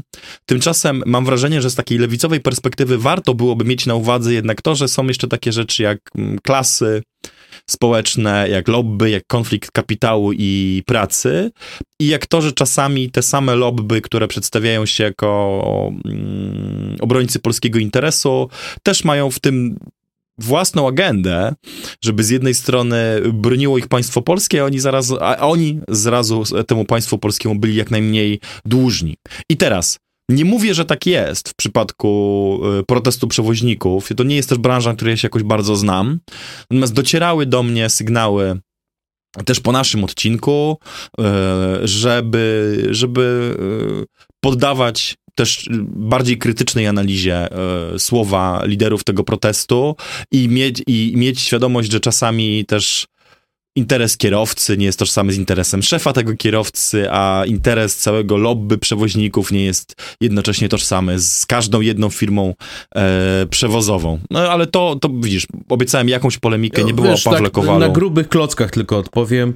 Um, nawet y, biorąc w nawias i dzieląc przez cztery to, co mówią nasi przewoźnicy, według mnie nie ulega wątpliwości, że z czysto politycznego punktu widzenia, jak mówimy o relacjach między państwami, Ukraina zachowuje zachowywała się w sposób wrogi, agresywny i zaczepny wobec Polski, bo uważam, że dokładnie tym był mm, tym było dyskryminowanie z powodów e, narodowościowych polskich kierowców w systemie kolejki. Znaczy, inni nie są dyskryminowani, a polscy są. E, I uważam, że wola strony ukraińskiej, aby wykorzystać lukę w unijnym prawie, tak aby ich kierowcy mogli e, spokojnie, że jeszcze raz użyję tej, e, tej figury, e, wędrować aż do piaszczystych plaż Portugalii, mimo że nie taka była umowa, również jest nie fair. A ja bardziej patrzę na to w sposób taki totalnie wyrachowany, że to my położyliśmy sprawę, a czy oni ciągnęli w swoją stronę i chcieli, żeby było dobrze dla ich firm i dla ich kierowców, a to my jesteśmy w Unii Europejskiej i to my powinniśmy byli zadbać o to, żeby mm, nie było tak, że Ukraińcy mogą e, konkurować dumpingiem Prawda? Na przykład ich kierowcy nie mają, tu wracam do lewicowej krytyki, e, no, nie muszą e, spełniać norm i standardów e, wypoczynku, ilości godzin spędzonych za kółkiem, etc. To swoją drogą też moim zdaniem stwarza zagrożenie na drodze. Mm, Jeszcze raz, tak? ja nie twierdzę, żebyś przyznał, ja nie, nie zmuszam cię ani nie wzywam do przyznania racji drugiej stronie. E, ani nie podważam argumentów faktycznych, e, wzbogacam nasz spór no bo on od spór czy polemikę, bo minęło też parę tygodni od tego czasu, kiedy rozmawialiśmy i jako, że go wywołałeś, to go tylko wzbogacam o pewne mhm. krytyczne spojrzenia, które przez te kilka tygodni zdążyły się pojawić. Jasne. I wzbogacić tu te dyskusje. tylko jeszcze wrócić, taką klamrę kompozycyjną zrobić do samego początku i wrócić do Donalda Tuska. I Pawła Kowala. kierowcy mi się, mi się z, z, z Tuskiem i z Kowalem rymują w następujący sposób. Po pierwsze, e, ci, którzy mówią, że mamy reset w relacjach, nowe otwarcie i tak dalej, e, szybko zobaczą moim zdaniem na podstawie zboża, granicy i wszystkich problemów, które w tej chwili mamy z Ukrainą, że to wcale nie będzie takie proste, ponieważ Ukraińcy według mnie cały czas jeszcze liczą na to, że polska polaryzacja pracuje na ich korzyść. Znaczy, że polska, polskie władze wierzą w to, co Paweł Kowal zdaje się mówić, że problemem w relacjach polsko-ukraińskich był PiS. Kropka. A zmiana władzy w Polsce rozwiąże problem. No to nowa władza szybko zobaczy, że tak nie jest. A ja szczerze mówiąc, na ile przez te wszystkie lata obserwuję Donalda Tuska, to akurat nie wierzę, że on jest naiwnym człowiekiem. Wszystko można o nim powiedzieć, ale nie to, że jest naiwny. E, ale powiem jedną rzecz in plus. Otóż uważam, że jeżeli ktoś ma szansę te problemy rozwiązać, to są to właśnie Donald Tusk i Radosław Sikorski. Dlatego, bo i teraz stawiam hipotezę, która może wrócić, żeby mnie prześladować, ale hipoteza jest następująca. Uważam, że trwałe rozwiązanie naszych problemów z Ukrainą, mam na myśli nie y, dostawy broni, bo ja bym to potraktował jako dwa osobne koszyki. dostarczamy broń z innych powodów, z powodów geostrategicznych i mówiąc z całym cynizmem, traktujemy Ukrainę jak wojsko zaporowskie, tak? Jest realnym dostarczycielem bezpieczeństwa, dlatego to robimy. W drugim koszyku jest zboże, w drugim koszyku jest transport i tak dalej. I teraz Dlaczego uważam, że Tusk i Sikorski mają szansę ten drugi koszyk zagospodarować lepiej? Bo oni mogą władować w to Unię Europejską w sposób, w jaki PiS nie mógł, nie chciał i nie potrafił. Czyli uważam, że na przykład Radosław Sikorski mógłby wynegocjować w Unii Europejskiej. Słuchajcie, odpalcie trochę pieniędzy naszym rolnikom, żeby wyrównać im problemy związane z tym, że wchodzi to ukraińskie zboże na nasz rynek, oni wtedy obniżą ceny, dzięki temu, że dostają tą, to nadzwyczajne odszkodowanie, nazwijmy to z Unii Europejskiej, i sprawa się ułoży. Podobnie z tym transportem. Narzućcie Ukraińcom pewne niezbędne normy, które są, no bo sami rozumiecie. I to moim zdaniem jest wykonalne dla dyplomacji Platformy Obywatelskiej, która, że tak powiem, dobrze się czuje w sercu Unii Europejskiej, dobrze się czuje w Brukseli, no a ciężko mi sobie wyobrazić, żeby efektywny był w tym PiS. No to skoro słowo PiS padło, to wypuszcza mnie też na argument, i dziękuję, że o tym przypomniałeś, który e, musi tutaj paść. Jakże dotkliwa, bolesna, waląca po oczach jest ta hipokryzja pisowców, którzy dzisiaj w wywiadach radiowych przekonują, że to oni stawiali twarde warunki Ukrainie, że to oni byli partią realizmu, umiarkowania, trzeźwości i że oni nie kierowali się emocjami w swoich działaniach, lecz tylko polskim interesem. A to Platforma, to ich słowa, reprezentuje ten naiwny, romantyczny, husarski wręcz, niesiony wiatrem emocji idealizm, który da Ukrainie wszystko.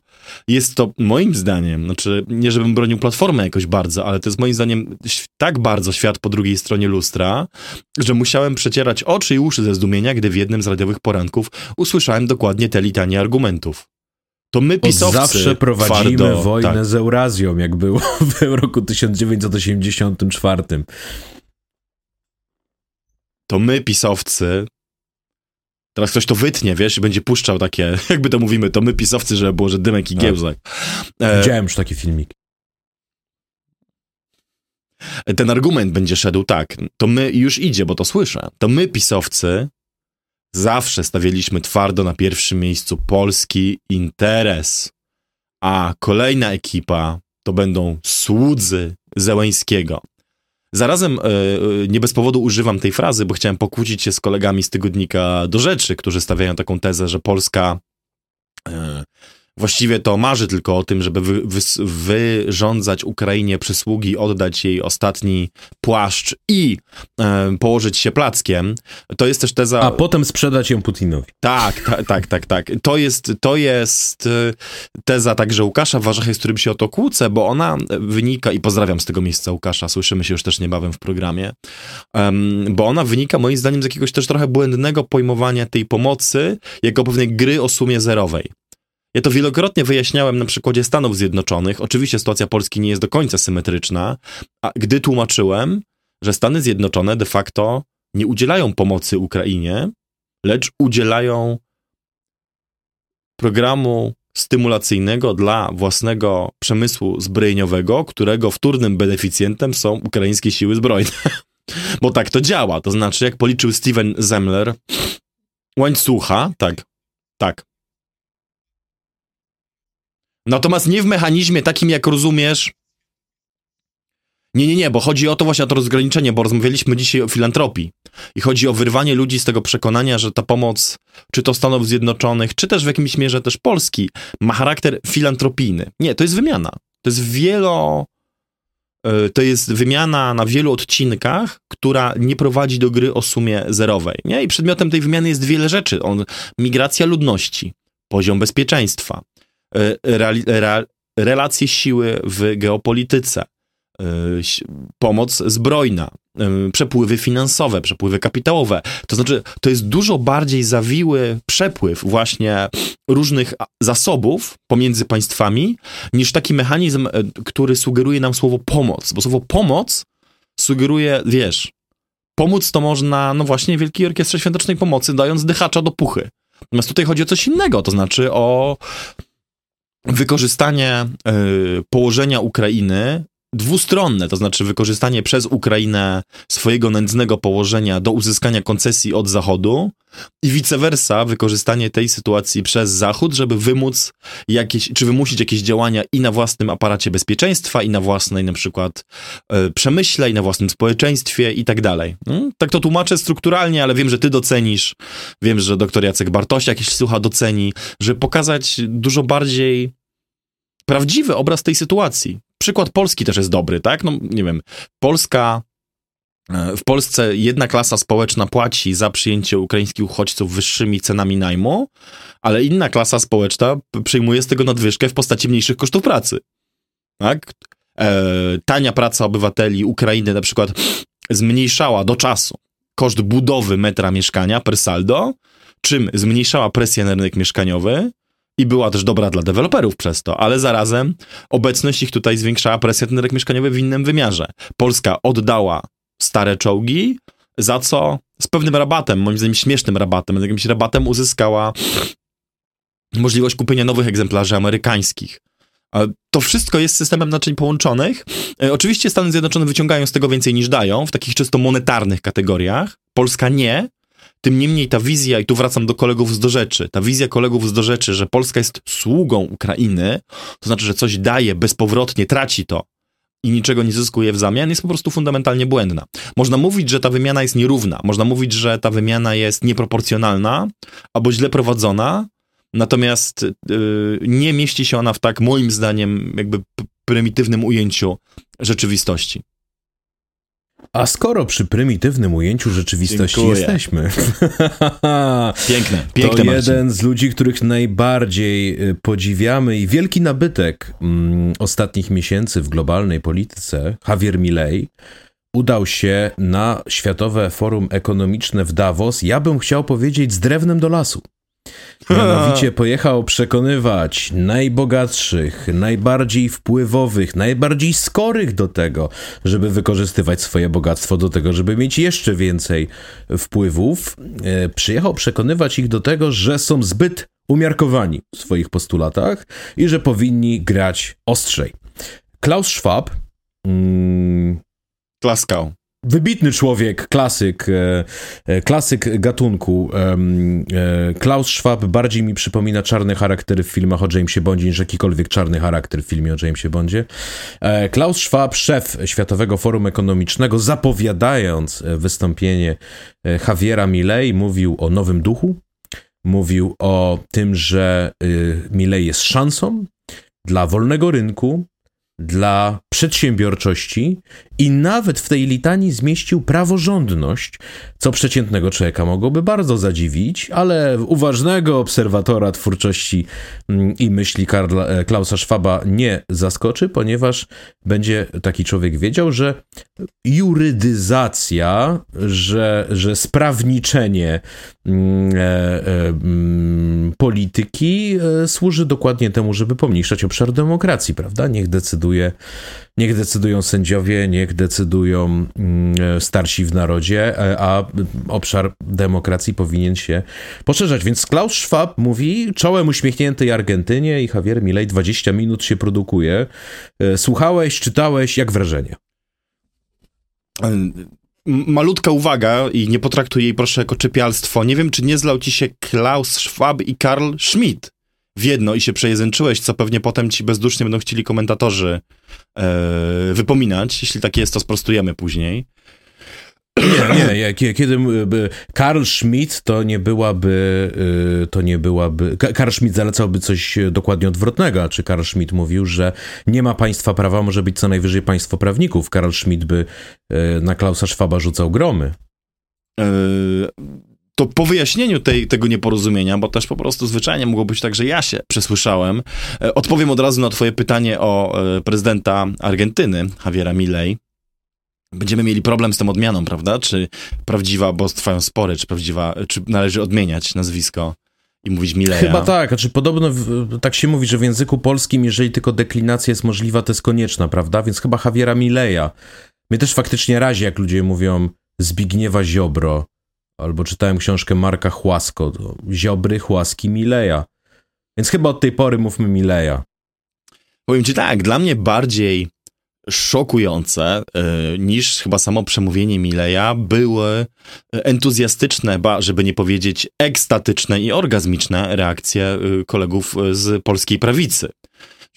Widziałem, że Javier Milei nazwany został argentyńskim lwem, który nie boi rzucić się do gardła globalistycznym elitom. Młotem na socjalizm, prezydentem, którego można Argentynie pozazdrościć. E, wiele, wiele takich, takich górnolotnych e, określeń padło mm, w odniesieniu do człowieka, który miał zaorać socjalizm w szwajcarskim kurorcie Davos, miejscu, gdzie znalezienie faktycznego socjalisty jest może jednym z najtrudniejszych wyzwań. I jeśli można bawić się w Davos w jakąś drinking game albo inną zabawę, to chyba w tą, czy kto pierwszy znajdzie tam jakiegokolwiek e, socjalistę wśród zaproszonych e, prelegentów. Kelner, recepcjonista. No, do tego zmierzam, że być może wśród nich są jacyś. Um, Natomiast, e, natomiast chyba samo Davos jako miejsce orania e, lewaków wydaje się być e, wyborem łagodnie mówiąc ekscentrycznym. Natomiast kiedy pytasz, co myślę o samym przemówieniu, to myślę, że to było swego rodzaju oczywiście the best of i przypomnienie wszystkich melodii, które fani libertarianizmu i tak zwanego anarchokapitalizmu uwielbiają, ale melodii, które w pewnym momencie przeszły już w konstrukcję tak dalece niesłuchalną i absurdalną, że im dłużej wczytywałem się w owo przemówienie, tym bardziej dziwiłem się, że jednak ktoś w Polsce chce się pod tym podpisywać i nie widzi wewnętrznych yy, sprzeczności, ponieważ Javier Milei w jakimś sensie twierdzi, wiesz, że polski prawicowiec, polski liberał, polski chadek, polski nacjonalista nawet, to dla niego i tak jest komuch. I nie ma żadnej różnicy między takim, e, nie wiem, podejm jakiegoś polskiego prawicowca.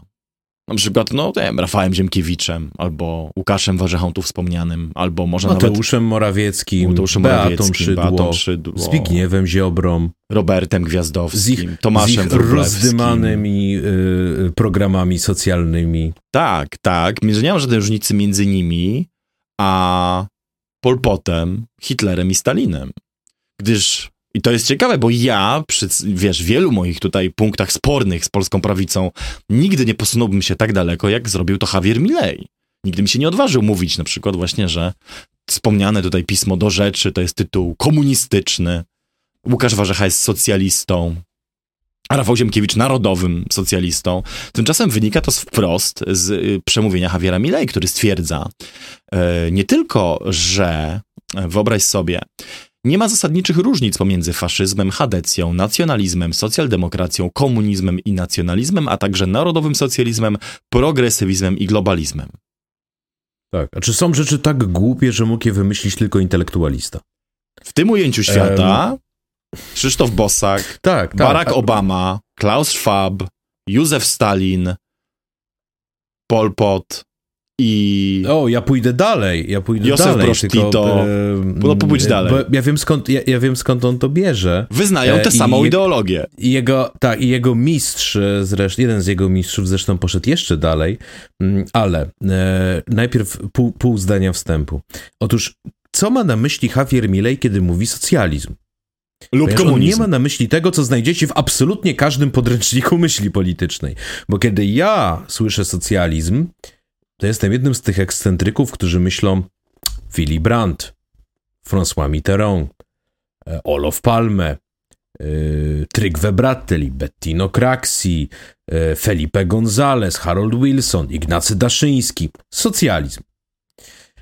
Natomiast Milei dokonuje bardzo popularnego nadużycia, mianowicie zrównuje socjalizm i komunizm. Dlatego powiedział, socjalizm odpowiada za śmierć 100 milionów ludzi, albo są jeszcze ludzie, którzy wierzą w socjalizm po upadku muru berlińskiego. Znaczy od cholery socjalistów pracowało całe życie na upadek muru berlińskiego po obydwu jego stronach.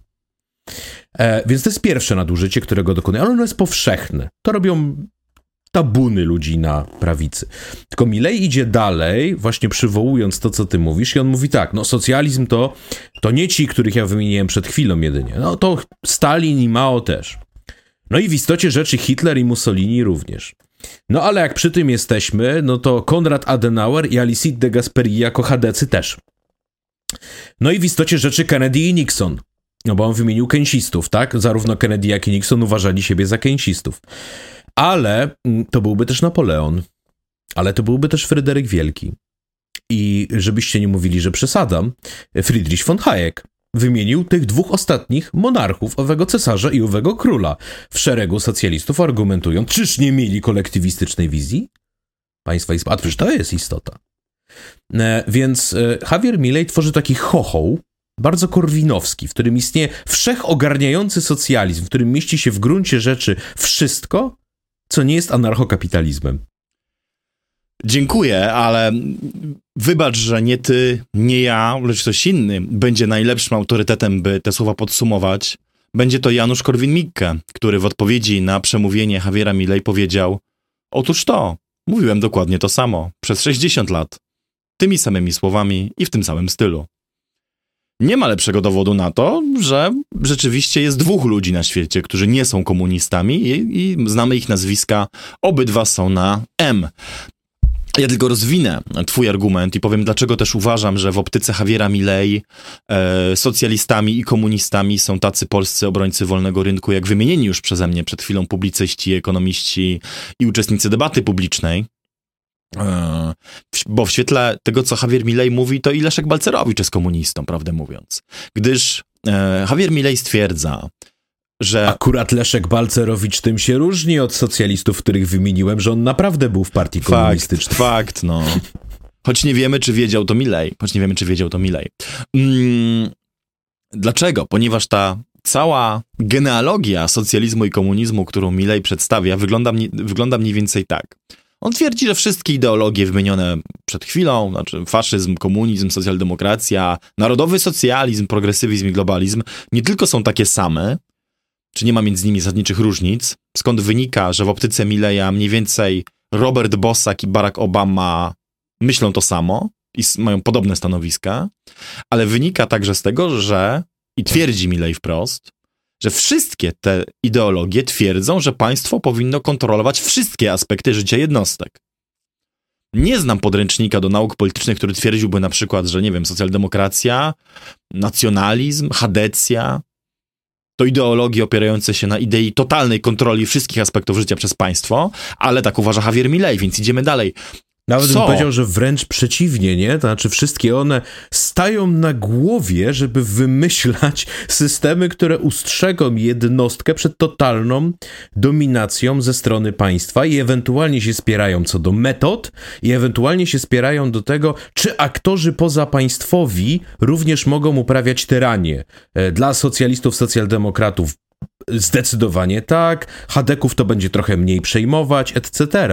Natomiast no, nie sposób powiedzieć, że wszyscy oni wyznają totalitaryzm. Ale teraz poczekaj, bo co jest yy, wyznacznikiem owego yy, totalitarnego czy yy, autorytarnego wymiaru tej władzy, który wymienia Javier Milei? zbiera. I drukowanie pieniędzy, dług i kontrola stóp procentowych. Słowem, z samego faktu, że państwo istnieje, posiada własną walutę i bank centralny i kontroluje emisję pieniądza oraz poziom stóp procentowych, wynika, że jest to państwo socjalistyczne, ergo komunistyczne, ergo totalitarne i sprzeczne z ludzkim porządkiem i ludzką naturą. To nie jest moja parafraza e, wystąpienia Javiera Milei, lecz logiczna ekstrapolacja jego poglądów i analiza wynikająca wprost ze słów, które powiedział. Z faktu posiadania własnego pieniądza, zdolności emisji długu, kontroli stóp procentowych wynika, że państwo jest komunistyczne. Słowem, ktoś myślałby, że to jest taki mem, nie? którym ludzie posługują się, żeby trochę wyśmiać korwinistów i libertarian pod tytułem państwo istnieje, równa się socjalizm, państwo istnieje, to komunizm. Równa się komunizm, tak. równa się totalitaryzm. Tak. Javier Milei tę, e, ten łańcuch ekwiwalencji doprowadził do logicznego końca. Tak. Z wniosku, że państwo istnieje, wynika, że jest to komunizm. E, ale Javier Milei nie byłby sobą, gdyby nie był wierny swoim poglądom, ponieważ wyobraź sobie, że ma on receptę, jak wyjść z komunizmu. Mianowicie Argentyna pod jego rządami ma pozbyć się własnej waluty i własnego banku centralnego. To jest logiczne i spójne z tym, co powiedział. I przyjąć dolara Dokładnie. amerykańskiego. Natomiast, że krokiem do wolności jest zlikwidowanie własnej waluty, własnego banku centralnego i kontroli państwa nad stopami procentowymi czy kursem tej waluty i przekazanie tego w ręce innej stolicy, to już sprzeczność, której Javier Milei w swoim wykładzie nie wyjaśnia. No, jest tam jeszcze parę naprawdę fascynujących myśli. Jedna, która mnie szczególnie zainspirowała, to kiedy mówił, że jeżeli stwierdzasz zawodność rynku na jakimkolwiek etapie, na jakimkolwiek poziomie, to znaczy na przykład mówisz, że niepokoi cię zawodność konkurencji. Niepokoją cię monopole, oligopole, zmowy cenowe i tak dalej. Albo na przykład przejmujesz się istnieniem e, efektów zewnętrznych eksternalizacji, prawda? Firma coś produkuje i na przykład zatruwa środowisko, to uderza w interesy ludzi, którzy z tą firmą nic nie mają e, wspólnego. Pomniejsza obszar ich wolności i ich dobrostan. Tym to się nawet Milton Friedman przejmował w swoich e, tekstach. To, jeżeli uważasz, że to jest w ogóle możliwe, e, to musisz na tym samym oddechu dopowiedzieć, że to jest w jakiś sposób wina państwa. I Milley stwierdza w tym swoim przemówieniu, że jeżeli stwierdziłeś zawodność rynku, i nie znalazłeś tam roli państwa, to musisz szukać dalej. Znaczy, to już jest religia. To nie są poglądy ekonomiczne. Tak? Znaczy, jeżeli komu wierzysz, mnie czy swoim zakłamanym oczom? I to jest jedna rzecz, która mnie niezwykle zainteresowała. I druga, Milej raz wspomniał swoją ojczyznę w tym przemówieniu. E, no już z tego, co mówiłem wcześniej, wynika, że jego stosunek do Argentyny może być raczej chłodny. E, jak również z tego, że w sporze o Falklandy Malwiny zdaje się raczej trzymać stronę Wielkiej Brytanii, aniżeli Argentyny. Ale jest jeszcze jedna rzecz. Mm, wymienił Argentynę tylko raz. Chociaż wydawałoby się, że kiedy wszystkie kamery na świecie będą na nim, no to mógłby powiedzieć parę zdań, no zachęcić ludzi do przyjeżdżania, inwestowania i tak dalej, ale zostawiam to. Wymienił Argentynę raz, żeby powiedzieć, że był czas w połowie XIX wieku, kiedy Argentyna była, cytuję, światowym mocarstwem. Teraz ja jestem z wykształcenia XIX-wiecznikiem. I nigdy nie byłem na tym wykładzie, na którym wymieniali nam światowe mocarstwa w połowie XIX wieku. I widzicie tutaj państwo Anglia, Francja, Prusy, Austro-Węgry, Rosja, Argentyna.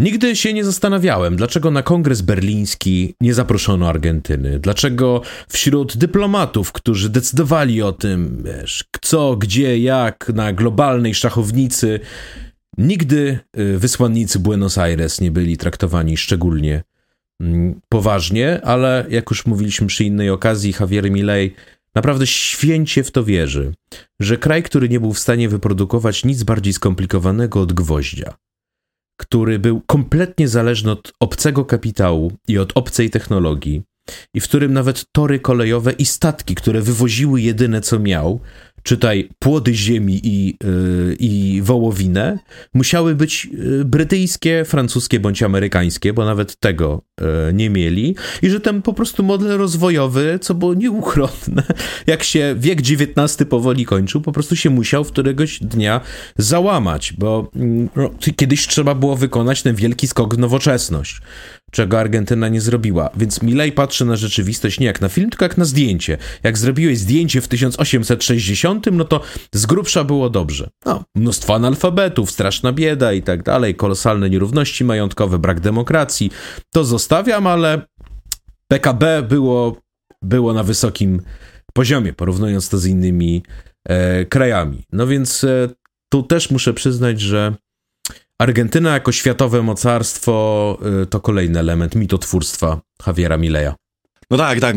Argentyna była taką potęgą, e, że to właśnie na przykładzie Argentyny powstały całe szkoły badania ekonomicznej teorii zależności, nierównowagi handlowej, hipoteza Zingera Prebisza i cała masa literatury, która właśnie badała ten specyficzny ekonomiczny układ, w którym państwo eksportuje towary niespecjalnie złożone, no właśnie, wołowinę, Mm, zboże, produkty rolne, płody rolne, a importuje te bardziej złożone i obserwuje, ta teoria, nie to państwo, jak y, szybko e, upływa czas do tego, gdy państwo to staw, popadnie po prostu w zależność, niedorozwój i chroniczny deficyt handlowy, którego nie będzie w stanie e, sobie zrekompensować. Coś podobnego stało się oczywiście z Argentyną w czasach, które no, Milei próbuje przedstawić jako jej złoty wiek. Tymczasem było to iluzoryczne, było to iluzoryczne tak jakby trochę jak twierdzenie e, pewnych nostalgików polskiej historii, że byliśmy potęgą Europy i jej e,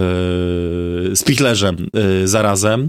Nie można być jednym albo drugim. No. no można, być, można być albo potęgą, która kreuje wartość i która narzuca standardy, albo można być spichlerzem, który dostarcza tylko pewnych dóbr dla tych, którzy faktycznie albo kreują wartość. Albo jesteś Wielką Brytanią, albo jesteś Indiami pod panowaniem brytyjskim, ale nie możesz łączyć tych dwóch właściwości. Tak, tak, tak, ale też gdyby gdyby, tak było, że e, Argentyna faktycznie była mocarstwem, no to w jakimś sensie można powiedzieć, że sowiecka Ukraina była mocarstwem, tak? No państwem bardzo żyznej, śmiejesz się, no tak, no bardzo, bardzo żyznej no, ale ziemi. Tak, no, to, jak powiedział Władysław Gomułka, gdybyśmy mieli giętką blachę, to zarzucilibyśmy yy, świat konserwami, tylko skąd wziąć mięso.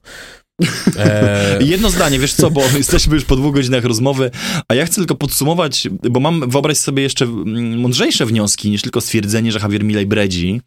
E, mam inne e, wnioski na temat tego, co tam w ogóle w Davos się stało, bo w moim przekonaniu to wystąpienie Javiera Milei, e, lub Mileja w Davos pokazuje coś jeszcze. To znaczy, że te globalistyczne elity są gotowe skonsumować takie, taki bunt, taki pseudobunt, taki radykalizm i dokonać kooptacji ludzi w rodzaju Javiera Milei właśnie. Otóż on nie pojechał tam, żeby wykrzyczeć tym globalistycznym elitom w twarz brutalną prawdę, ośmieszyć je, wystawić na pośmiewisko i wywrócić stolik.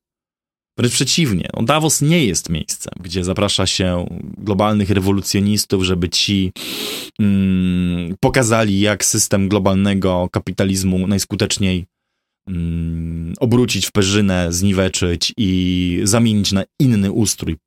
Milley wystąp wystąpił tam wręcz przeciwnie jako użyteczne narzędzie takich elit. Milej bowiem za pewną fasadą, czy w pewnym kostiumie egzotycznego radykała, w gruncie rzeczy prezentuje program, który dla tych samych ludzi, którzy są w Davos, a przypomnijmy, że jego wystąpienie sponsorowały te korporacje i byty takie jak no, Bain Capital, BP, czy Rada Biznesu Królestwa Bahrajnu, a zauważmy, że i BlackRock, a zauważmy, że wymieniłem tylko tę na literę B, to jeżeli... I umówmy się, że prawdziwego prawicowego radykała by tam nie wpuścili na scenę nie, przy tych logo. Nie, nie. To dokładnie tego rodzaju sponsorzy mają najwięcej do zyskania na pomysłach gospodarczych Javiera Milei, to znaczy prywatyzacja państwowych zasobów, e, prywatyzacja usług publicznych, wyprzedaż majątku narodowego, otworzenie rynku, to są wszystko i wreszcie potrzeba jakichś zewnętrznych e, aktorów skłonnych udzielić bailoutu takiemu państwu, to jest dokładnie coś, na co czekają tego rodzaju e, wielkie firmy. No kto by nie chciał tam sobie teraz za bezcen przejąć, prawda, o, zasobów litu, albo narodowej sieci energetycznej, albo wodociągów, albo przewoźnika lotniczego. Kto by nie chciał sobie takich kąsków sprywatyzować? Trochę dała nam przykład Grecja w czasach wymuszonej prywatyzacji epoki e, austerity narzucanej przez Europejski Bank Centralny i e, nieżyjącego już Wolfganga Schäuble i Trojkę. Tak? No, to była świetna okazja, żeby kupić sobie za bezcen e, na przykład narodowe, narodową loterię, tak? w sensie operatora loterii narodowej albo port w Pireusie, no, bo dużo, dużo wartościowych rzeczy. I stąd w moim zdaniem Milei nie prezentuje tam programu radykalnego obalenia porządku światowych elit, lecz przeciwnie, program, który elitom zainteresowanym prywatyzacją w krajach Ameryki Południowej podobał się od zawsze.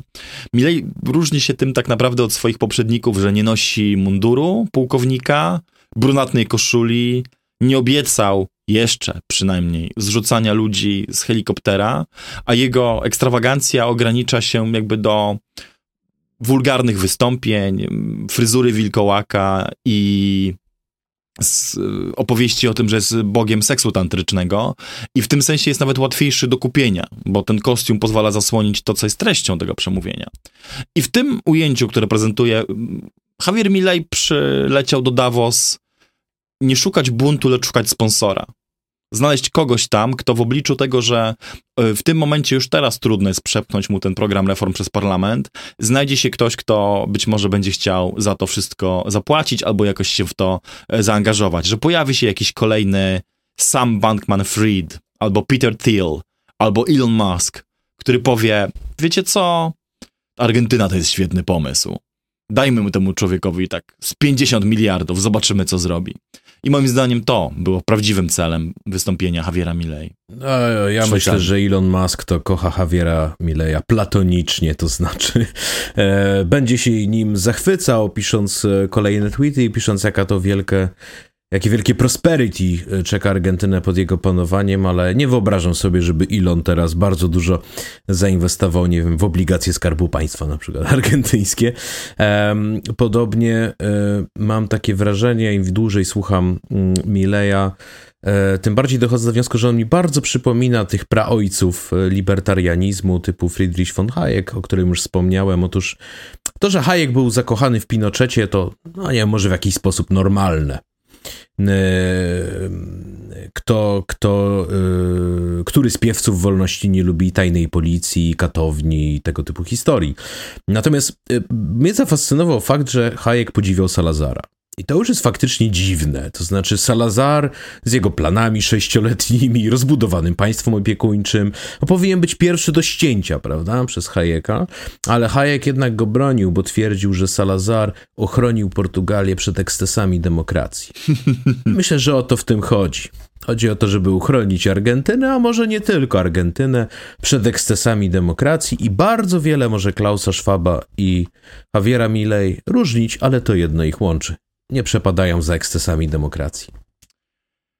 To mówił Marcin Giełzak, ja nazywam się Jakub Dymek, ale nie pożegnamy się oczywiście bez tradycyjnego w naszych y, odcinkach segmentu Left Komendacji, w którym polecamy nasze y, lektury, filmy, gry, inicjatywy, wystawy, wiele rzeczy polecamy, które uważamy, że godne są waszej uprzejmej uwagi.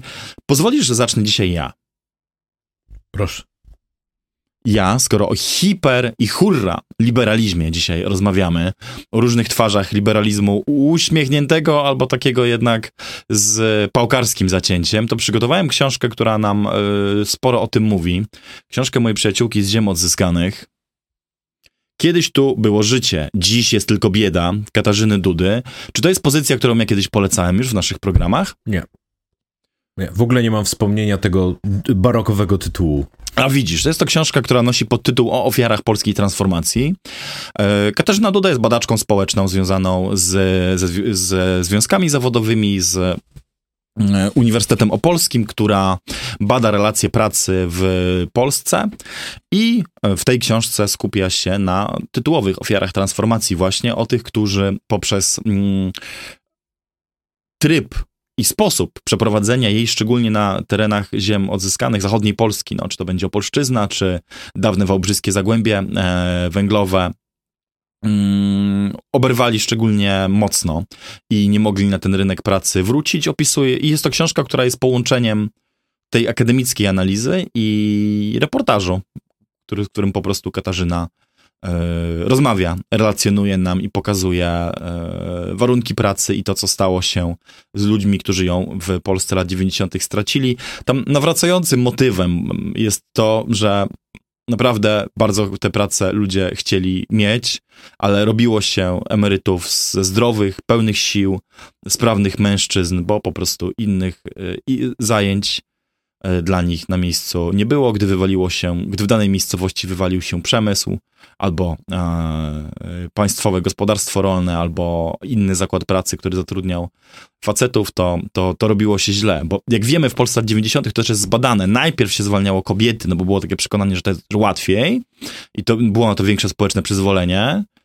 No ale jeszcze rodzina z jednym pracującym mężczyzną jakoś, powiedzmy, mogła wiązać koniec z końcem, gdy zwalniało się już wtedy drugą pracującą osobę w gospodarstwie domowym, czyli mężczyznę, który jeszcze zazwyczaj, jeżeli pracował w przemyśle, to przynosił dość dużo pieniędzy, to już robiło się naprawdę, naprawdę strasznie i o tym jest ta książka. Kiedyś tu było życie, teraz jest tylko bieda. Katarzyna Duda o ofiarach polskiej transformacji. A ja mam rekomendację małą i dużą, albo taką e, na dziś i taką bardziej ogólnie. Na dziś e, Polecam nowy numer polityki, bo znajdziecie tam mój dość rozbudowany tekst na temat nowego Zauważ, premiera widać. e, Francji. Widać. Hmm, widać. Mm, Na temat nowego premiera Francji, na temat tego w ogóle, co we Francji e, słychać i co ta zmiana znamionuje. Mówiliśmy o tym w naszym odcinku. Jeśli go nie widzieliście, to polecam. Tutaj poruszam nieco inne e, wątki, więc e, zachęcam, żeby rzucić okiem. I druga left komendacja, która jest chyba w zasadzie right komendacją, ale kto z was czytał Wieczną e, Lewicę, ten wie, że, e, że moim zdaniem, tak jak najlepsze krytyki komunizmu napisali socjaliści, tak najlepsze krytyki liberalizmu zazwyczaj piszą konserwatyści. E, I tu jest konserwatysta, który robił to ze szczególnym upodobaniem, czyli Nicolas Gomez Davila. Mm, Człowiek, który też wpłynął na mój styl pisarski, dlatego, bo pisał wyłącznie aforyzmami. E, swoje kolejne wydania e, scholiów do tekstu implicite. Tu akurat w ręku mam nowe scholia, są też następne scholia, Mm, zatem jeżeli e, ktoś chciałby mieć cały e, komplet, to bodajże cztery tomy się w Polsce e, ukazały. Mm, i od razu dopowiem, em, dzieło jest wybitne, moim zdaniem. Zdradza niezwykły talent literacki, ale także em, ogromną e, erudycję autora i osobowość. E, Poglądy, które tam głosi, są antyliberalne od strony wybitnie konserwatywnej, czy wręcz reakcyjnej, ale byłem pytany ostatnio na live, czy będziemy również polecać prawicowych e, twórców, więc niniejszym to robimy. Jak widzicie, to nie jest tak, że tylko czytamy lewicowe rzeczy. Jaka jest woda? E, To wydawnictwo, e, które ukazało się nakładem e, Furta Sacra, było w bardzo małym nakładzie i raczej dla fanów gatunku, więc jedna taka książeczka kosztuje ze 160-170 zł, a trzeba ich kupić parę. Czy jest obejście? Obejścia są dwa. Pierwsze obejście kupić nie po polsku. Ja sam wszystkie scholia przeczytałem po francusku. E, ludzie, którzy znają hiszpański, mówią, że wbrew pozorom w przekładzie to brzmi jakoś lepiej po francusku. Nie wiem dlaczego, ale Davila tak pisał. Zresztą sam uważał, że um, galicyzmy to witaminy języka hiszpańskiego. Em, albo po angielsku i wtedy cena jest gwałtownie niższa. E, Albo możecie zrobić rzecz najprostszą, mianowicie różnego rodzaju prawicowe portale, periodyki po prostu wrzucały mm, obszerne fragmenty dzieł Gomeza Davili do internetu, więc jeśli wpiszecie jego nazwisko i napiszecie aforyzmy, to gwarantuję, że setki, setki tych aforyzmów znajdziecie. Według mnie naprawdę warto rzucić okiem i zobaczyć, e, jak tam myślą i działają ludzie mający gwałtownie odmienne poglądy. A dwóch ludzi E, gwałtownie... Gabriel Garcia Marquez powiedział, że gdybym nie był komunistą, myślałbym jak Nicolas Gomez Davila. Niech wam to posłuży za rekomendację. A dwóch ludzi o gwałtownie innych poglądach e, żegna się z wami w dzisiejszym e, odcinku programu Dwie Lewe Ręce. Ja tylko na koniec... Choć dziś się dużo zgadzali. I tak czasami bywa, ale mam nadzieję, że inne walory tego dzisiejszego programu pozwo- pozwolą nadrobić brak płomiennej polemiki. Ja tylko na koniec przypomnę, e, e, że patronite.ukośnik DLR to adres, pod którym możecie znaleźć wszelkie dobre metody wsparcia tego programu i jego kolejnych odcinków. Dobre metody zaczynające się od 25, a kończące na 1000 zł miesięcznej e, składki. Za wszystkie bardzo dziękujemy, a te wasze e, e, skromne i nieskromne i za każdym razem przez nas niezwykle mile widziane wpłaty idą na rozwój tego programu. Dzięki nim e, budujemy najlepsze medium na lewo od centrum, wydajemy nasz newsletter, e, powołujemy do życia kluby i inwestujemy w rozwój nowych formuł tego e, programu. Już w najbliższych dniach i tygodniach zobaczycie to także, jak sądzę, pod postacią większej liczby gości z Polski i zagranicy. My jednak, żeby się rozwijać, potrzebujemy waszego wsparcia i nalegamy, żebyście rozstając się z nami pomyśleli o tym, czy warto e, dołożyć się w nowym roku do rozwijania projektu DLR. A ja tylko dodam, że jeszcze z, pozwala nam to tworzyć dogrywki. Do tego odcinka również dogrywka powstanie, również ją dostaniecie. I pozwala nam być w nigdy niekończącej się trasie pod szyldem kawa z DLR. Już rozmawiamy na temat tego, żeby się pojawić w mm, kolejnych miastach. I pamiętajcie o tym, że jeżeli chcielibyście, żebyśmy przyjechali do waszego miasta, to nie ma obowiązku, żeby tam już istniał klub. Bardzo często właśnie po to przyjeżdżamy do miasta, żeby w końcu zaistniał. Jeżeli macie jakąś grupę inicjatywy, charytatywną. Wiecie, że są ludzie, którzy chcieliby z nami porozmawiać, nas posłuchać. Macie jakiś lokal, albo nawet nie macie. Nie wahajcie się, po prostu napiszcie do nas mm, maila, napiszcie do nas na Patronajcie, znajdziecie nas na patronite.pl ukośnik DLR i powiedzcie, że chcecie, żebyśmy wpadli, a naprawdę zrobimy wszystko w naszej mocy, żeby to e, uczynić i e, z tym wezwaniem z kolei ja was e, pożegnam. Dziękuję bardzo za wasze wsparcie, dziękuję za waszą uwagę i do rychłego zobaczenia. Dzięki, do zobaczenia i usłyszenia już niebawem.